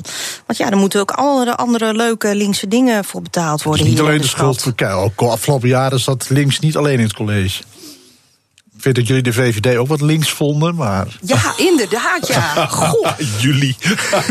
Eh, de- het afgelopen weekend bleef mijn oog ook heel vaak hangen aan verhalen over Jan Ulrich. Een wielericoon die nou echt helemaal naar de gallemiezen Nou, aan het, het is gaan dat is een heel triest verhaal. Ja. Ja, ik, Maar wel fascinerend. Nee, kijk, het fascinerende zit erin dat die man, die, die, die, dat, die was van een nobody uit Rostock, werd hij ineens, eh, won ineens de Tour. Nou, daar kon hij al heel moeilijk mee omgaan. Hij was voor de pers eh, vrijwel onbenaderbaar, maar niet uit een soort van arrogantie, maar uit een soort van verlegenheid. Als hij die bus uitkwam en er stonden tien journalisten, dan deinzen die geschrokken terug. Jongen komt uit een heel eenvoudig wereldje in Rostock. En die is daarin meegegaan. Die, eh, ja, die werd ineens van, van held, volksheld, want dat ben je vrij snel, werd hij ineens dopingcrimineel. Ik heb van de week, dit weekend toevallig daar een hele stevige discussie op Twitter met wat collega's over gehad. Ik vind dat wij ook gewoon moeten stoppen met het criminaliseren bijna van renners die ooit doping hebben gebruikt. Kijk, het gaat, het gaat voor mij veel verder. Er was een systeem, nog even over Nederland, waar bijvoorbeeld eh, grote banken als de Rabo, ik zal voorzichtig formuleren, anders belt straks de advocaat, waarbij eh, het bestuur van de Rabo tegen een ploegleider zei van wij zijn een AAA-bank, wij willen volgend jaar de Tour winnen, je regelt het maar. En dan zei die ploegleider van ja, maar dat eh, ja, ja, is wel lastig, want nou ja, dan eh, ja, nou, maar. jouw probleem verder, weet je wel, op die manier.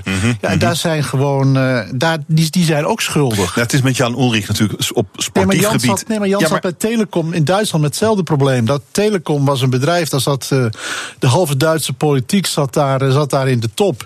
Dat was een soort nationale trots eh, in de jaren negentig. Dat Telecom, dat groeide als kool. Nou, dat Telecom, dat moest ook gewoon de Tour winnen. En het interesseerde ze niet hoe en wat.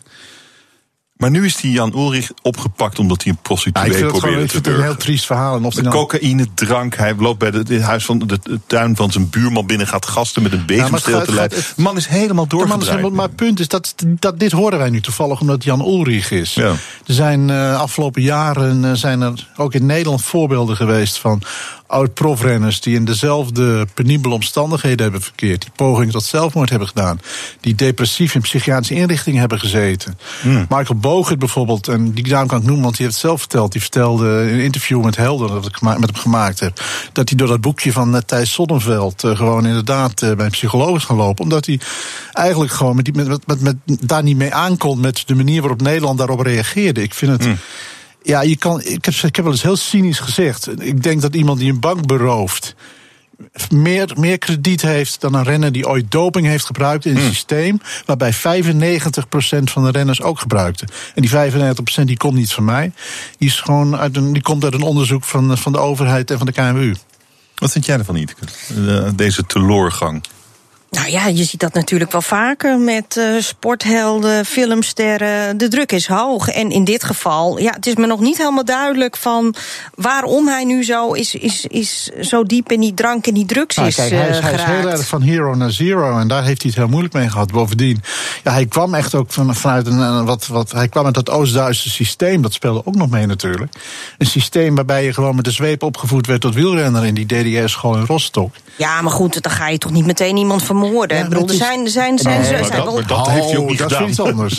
Nee, maar goed. Nee, maar kijk, waar, waar, die prostituee die proberen die toch te wurgen, Ja, goed, dat, Dat, wordt, dat wordt nu via beeld in jullie klant gezet. Ik zeg niet dat het niet waar is. Maar waar het mij om gaat, is de onderliggende problematiek van, van die renners die aan de drank raken, aan de drugs, die in psychische problemen komen. Ik maak iets algemener. En daar is uh, Ulrich een, een heel, heel, heel goed voorbeeld van. En niet iedereen kan er duidelijk mee omgaan. Nou ja, goed, dan hebben we nu eentje die compleet is afgegleden. Nou, ik ben heel benieuwd. Uh, de zal niet- beeld eh, zal er nog lang uh, misschien niet, van kunnen het zal niet, smullen. het zal niet de laatste zijn, denk ik. Wordt weer gevoetbald in de Nederlandse Eredivisie. En zometeen buigen we ons over het afgelopen speelweekend met wat verrassende uitslagen. BNR Nieuwsradio.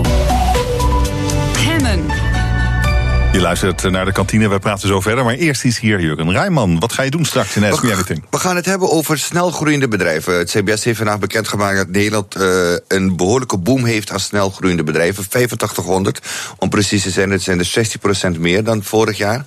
En uh, daar gaan we het over hebben vandaag, over die snelgroeiende bedrijven. Wat is een snelgroeiend bedrijf? Een snelgroeiend bedrijf is uh, volgens mij, volgens zijn definitie, een bedrijf dat ehm, elk jaar, of drie jaar lang, elk jaar 10% meer personeel heeft dan het vorig jaar.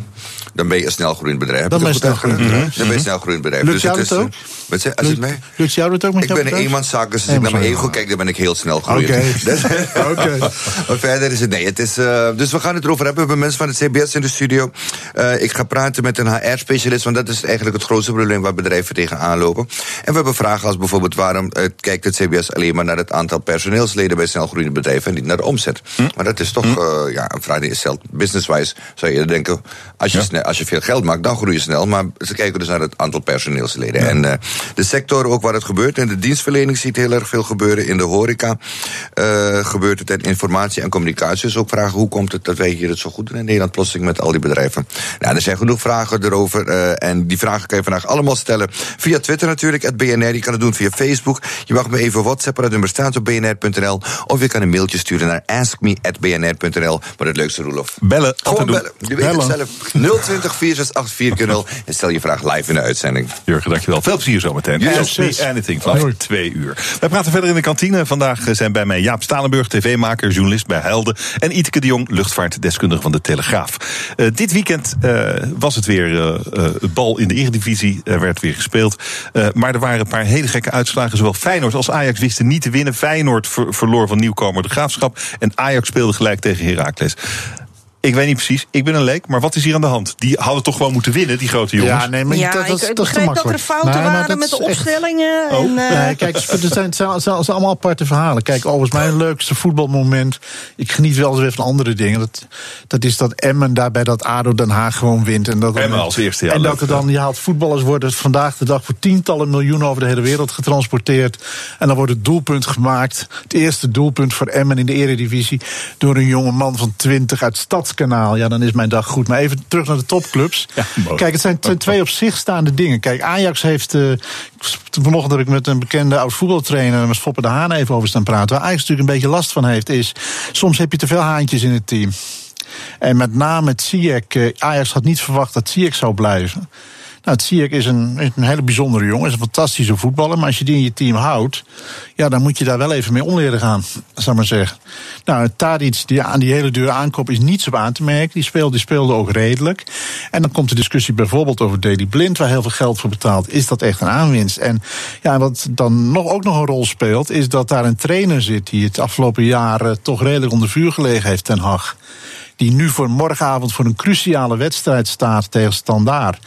En uh, ik voorspel uh, echt heel veel rumoer deze week bij Ajax. En misschien het vertrek van een trainer. Oh, denk je nu als al? Ajax wordt Wow. uitgeschakeld. Nee, want wat je dan krijgt. Kijk, als je het nu aan Overmars vraagt. of, aan, of Van de Sar of een andere directeur. zullen ze zeggen van nee, natuurlijk niet. Nee, nee, nee. Nee, maar nee, wat nee. je gaat krijgen is dat je straks een onbeheersbare beweging krijgt. Dat is de druk van de supporters. Dat is, nou ja, jullie krant is al, is al een week bezig. En, en terecht overigens. Er gaat een media- en supportersdruk ontstaan waarbij geen trainer overeind blijft. Nee, maar goed, ik hoorde vanochtend ook dat van ja, we stellen als, als voetballand niks meer voor. Het, het is allemaal, eh, ja, de F'jes zijn het nog net niet. Maar, Maar, ah, maar dat, soort, dat soort gesomber, dat hoor je voortdurend. Kijk, er ja, zijn, we deden eh, ook niet mee eh, met het WK. Nou, maar er zijn hele aanwijsbare redenen. Bij, bij Feyenoord, la- dat we het niet per speler bekijken, want het is geen sportprogramma.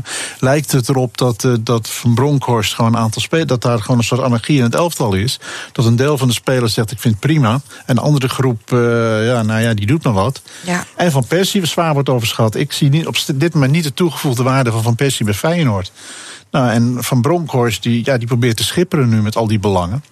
Ik denk dat daar veel meer het probleem zit. Kijk, we hebben geen echte trainers meer, geen leiders. Geen, nou, van niet, Gaal, niet het type van Gaal. ik zou van Gaal op dit moment. Ik ben. Nou, ik, sta, ik stond echt met stip 1 op zijn zwarte lijst. Het is geen vriend van me. Ik zou van Gaal op dit moment wel even bij Ajax willen zien. En dan kwam het allemaal goed. Mm, nou ja, oké. We kunnen naar volgende week in de herkansing, jongens. Ik wil Nou ja, het ook wordt nog- een mooi seizoen, Ja, om zo te jongens, let, horen. en, let- en, Nou, let, en jongens, en let op Emmen. Ik heb daar een Let op stadionverbod, dus ook dit is onverdacht. Hoezo heb je nou een stadionverbod? Wat ik heb je gedaan? Dat is wel een leuk verhaal. Nou, ik zal het, kort, ik zal het in twee zinnen vertellen. Daar zit een directeur. En daar maakte, wij, maakte ik een grap over in een column op eh, RTV Drenthe. En die man die dacht dat het serieus was. Dus die rijdt s'avonds in zijn autootje rijdt hij naar de, de voorzitter van de Raad van Commissarissen. En samen sturen ze een mail naar de RTV Drenthe dat RTV Drenthe niet meer welkom was. Dat werd de volgende ochtend teruggedraaid. En ik las een dag later in het Dagblad van het Noorden, want de man had niet het lef, meneer Beekman, om mij te bellen. Las ik een dag later dat ik, eh, dat ik daar het stadion niet meer in kwam. Nou vind ik het verder prima. Ik heb ook niet de dagelijkse aandrang om naar FCM te gaan. God. Maar we hebben daar inmiddels. Ja, nee, het punt Dus, is. maar die Wim man, Beekman Nou, is dus maar rancuneus. grap- Wim Beekman is rancuneus. Want het grapje is, kijk, ik, ik was goed. Ik ben heel goed met Dat de is een vorige. hartstikke leuke man, Wim Nee, maar ik. Hij was hier laatste gast. Kennelijk is hij dus niet zo Nee, leuk. maar Roelof. kijk, Tot je iets lelijks zegt. Dat tot je iets lelijk zegt. Dat zijn mannen die genieten van het applaus. Ik zag nog eens ook heel veel selfies maken op de bel. Wat had jij voor lelijks over hem gezegd dan? Dan wil ik het weten ook. Of durf je Maar niet te herhalen? Best herhalen. Kijk, er werd daar een trainer die vertrok naar een andere club. Marcel Keizer, die had nog een contract. Marcel Keizer, de latere Ajax-trainer. Dus ik had in mijn column gezegd... God, dat moet wel ernstig zijn geweest wat die Keizer gedaan heeft. Hij zal toch niet de billen van mevrouw Beekman geknepen hebben? Ja, kijk. Toen ging meneer Beekman... Die ging kan naar- ook te ver gaan. Let op, toen ging meneer Beekman naar de, naar de voorzitter van de Raad van Commissarissen... met opmerking dat ik had gezegd... dat mevrouw Beekman een verhouding met Keizer had. Nou ja, als je zo in elkaar zit... Maar uiteindelijk draaide het om het feit dat Joop Gal en ik... allebei die man de kruidenier gingen noemen. Hij had, man had dat supermarkten gehad daar eh, ver weg in Drenthe. Dus Ja, die man nee, had de ja, ja. de kruidenier voor ons. Nou, daar was hij ook weer heel boos over. Een beetje kleinzielig. Eh Mensis eh, wil ik het eh, nog met jullie over hebben. Zorgverzekeraars gaan de kosten voor de behandeling van depressies voortaan vergoeden op basis van de behaalde resultaten. Dus helpt het in plaats van het aantal behandelingen. Ehm, ik, ik zat wel te. Ik, ik dacht, wat moet ik hier nou van vinden? Wat is dit nou? Is dit nou op basis van resultaat? Ja, kan best. Maar als je nou heel erg ziek bent en er komt geen resultaat, hoe, hoe gaat het dan vergoed worden? Ja, dit is duidelijk een eh, kostenbesparing, lijkt mij. Ja, ik bedoel, er zijn mensen die zijn jaren in, jaren uit depressief. Daar, die hebben die medicatie nodig, zonder dat er misschien eh, eh, uitzicht is op, op bijvoorbeeld verbetering. Wat, wat ga je dan doen? Dan krijgen die mensen hun medicijnen niet meer vergoed. Dus er zitten nog ja, wel een aantal, aantal eh, Therapie. Ik heb een hele simpele vraag over dit onderwerp. En dat is namelijk, wat gaat er straks gebeuren met zwaar depressieve patiënten die zorg nodig hebben, maar waar die gewoon echt een hele zware kostenpost gaan worden. En waarbij ook effect heel moeilijk aantoonbaar is. Ja, dat, Dat, dat, die- wordt, dat wordt een En die mensen zijn er, en die zijn er dus, veel, ja, hè? Die zijn er veel. En ik heb afgelopen weekend, eh, ik denk dat meer mensen het gelezen hebben, het verhaal over de, de moeder van de journalist Ja. eh, van de. Volkskrant, Rianne Meijer, gelezen. Over hoe de GGZ in Nederland omgaat met de depressieve patiënten. Hoe mensen nauwelijks eigenlijk niet omgaan, totaal niet worden begeleid, hun lot worden overgelaten, minimale begeleiding. En als dan vervolgens ook nog mens is. Eh, op basis van eh, wat rekenwerk van, eh, van, van, wat, van, van waarschijnlijk een, van wat actuarissen. Met, met, met dit besluit komt, vind ik dit wel doodeng. Zeker in de context Ja. van het verhaal van Janne Meijer. Maar goed, er zijn ook heel veel mensen die. Er zijn ook mensen die zeggen: eh, ja, ik voel me niet zo lekker. En, eh, Ja, maar dat is al Dat- heel erg geprotocoliseerd. Ja. Kijk, los van, los van alles wat, wat, wat, wat we vinden, wat mensen nu ook doet. Mensen heeft al heel veel en alle andere maatschappijen hebben al heel veel protocollen ingevoerd. ja, dus ik denk je dat hebt ik sowieso denk dat, maar behandeling. Ja, ik er merk wordt dat- vergoed, een ik aantal merk met behandelingen. worden- fysiotherapie. Op een gegeven moment roept dan mijn aardige fysiotherapeuten van ja, we zijn het maximaal aantal behandelingen. Je hebt eigenlijk nog wel wat nodig, maar nou, dan wordt er een structuur, wordt er weer iets bedacht. Dat ik het op eigen kosten kan doen. En dat is al geprotocoliseerd. Dus ik begrijp, ik snap mensen, ik snap het financieel wel, maar ik snap het naar de patiënten toe niet. En als dan een voorlichter net op de radio ergens gaat uitleggen dat het eigenlijk zo goed voor de patiënten is, dan, eh, dan krijg ik heel erg jeuk. Ik vind het, ook echt, ik vind het echt heel ernstig. Eh, wat er in Turkije gebeurt, geheel andere orde, maar is ook ernstig. De Turkse lira zit in een vrije val. Het is eh, krankzinnig. Waar zitten wij naar te kijken, Iteke? Heb je enig idee? Nou ja, aan een eh, economie die aan het ontsporen is. Daar kijken Ja. we op dit moment naar. Dus eh, ja, er is de afgelopen jaren is er een feestje gevierd op eh, hè, eh, Erdogan en een aantal eh, zijn bouwvriendjes. Op kosten van eh, goedkoop krediet. Hè. De rente heeft hij omlaag gedaan. En ehm, ja, dat is op een gegeven moment niet meer eh, houdbaar. Europees stabiel, inderdaad, ja. Maar goed, maar wat maakt dat het nu opeens gebeurt? Nou ja, goed, je had de afgelopen jaren wel, wel af en toe al dat, dat je al zag dat, dat de munt onder druk staat. Dit is, dit is al begonnen van het begin dit jaar, hè? Dus eh, ja, en nu, eh, hè, nu gooit Donald Trump er nog eens even een tweetje overheen. Dus dat, dat heeft dan op Heeft een gegeven moment niet- een effect op, eh, Heeft op dat de ook positie. niet te maken? Dat gaat, daar gaat Trump ook nog mee te maken krijgen. En dat op een gegeven moment in het, in het soort presidentschap wat zo, wat zo Erdogan heeft als ook Trump. Waarbij kritiek gewoon. Goed, in het Witte Huis niet, wat minder dan bij Erdogan. Waar kritiek gewoon gelijk staat bijna aan het plegen van een coup. Dat je je checks en balances kwijtraakt als president. Dat er geen. Dat er geen Ja, maar ja, daar is alles geen- op aangestuurd natuurlijk. Nee, hij heeft zijn dus- zoon tot, tot Exact. minister van zijn schoonzoon tot minister van Financiën benoemd. Er waren eerst twee ministers. De ene Ja. ging over, er was een minister van Financiën. Daarnaast had je nog eentje die ging over de macro-economie in de centrale bank. Dat is nu samengevoegd in één persoon. En dan krijg dus je ja, de vraag: wie durft dan nog tegen die president te zeggen? van niemand. wat jij Nou nu ja, en hij heeft ook gezegd van ik, ik trek me er niks van aan. Volgens Nou ja, mij wat, dit wat, hij- weekend. wat hij bijvoorbeeld heeft gezegd: wij buigen voor niemand. Zij hebben dollars, wij hebben Allah. ja. Ja, wat, wat, Nou ja, wat- maar goed, Klinkt maar niet alsof is je een eh, oplossing probeert te ik- vinden. Ja, maar dat wat is ik een het beetje onder de gevaarlijk- nee, maar gelovigen. wat ik heel gevaarlijk vind, en dat vind ik überhaupt in dat hele Turkije-verhaal, het wordt wat onderbelicht, dat is de geostrategische positie van Turkije. Kijk, wat natuurlijk, kijk, het Witte Huis zal heel lang doorgaan met het sturen van boze tweets. Maar du moment dat Turkije daadwerkelijk aansluiting zoekt, bijvoorbeeld bij, bij Iran. Ja. Nou, dat moeten we echt niet hopen hoor. En je kan ze dus een Het is hele eind treiteren. en je kan ze- NAVO-bondgenoot. ja, het is een NAVO-bondgenoot op een uitermate geostrategische positie. En dat mis ik een beetje in de hele discussie. Ja, ik denk dat. daarom eh, hebben we natuurlijk zoveel aandacht voor. Als het een van de onbeduidend landje was, ja, hadden we het er niet over gehad hè, de hele tijd. Precies, en de vorige Amerikaanse eh, president, het Witte Huis, maar ook het State Department in het verleden, die gingen er altijd heel voorzichtig mee om. Want kijk, er gebeurde natuurlijk van alles wat fout was in dat land, maar we hadden ze wel nodig. Kijk, ik denk nog steeds dat de hele discussie of alles niet toelaten tot de Euro- Europese positie, de Unie, heel erg te maken had met die, met die geostrategische situatie. En ik denk dat Trump gewoon lak heeft aan de geostrategische situatie rond Europa. Ik denk dat dat ook meespeelt. Die vindt het allemaal prima. Jongens, het is eh, tijd om met deze woorden de kantine dicht te gooien. Fijn dat jullie er waren. Iteke de Jong, luchtvaartdeskundige bij de Telegraaf... en Jaap Stalenburg, tv-maker en journalist bij onder meer... het Sportblad Helden. Dit was Hebben voor vandaag. Nu Jurgen Ruijman met Ask Me Anything.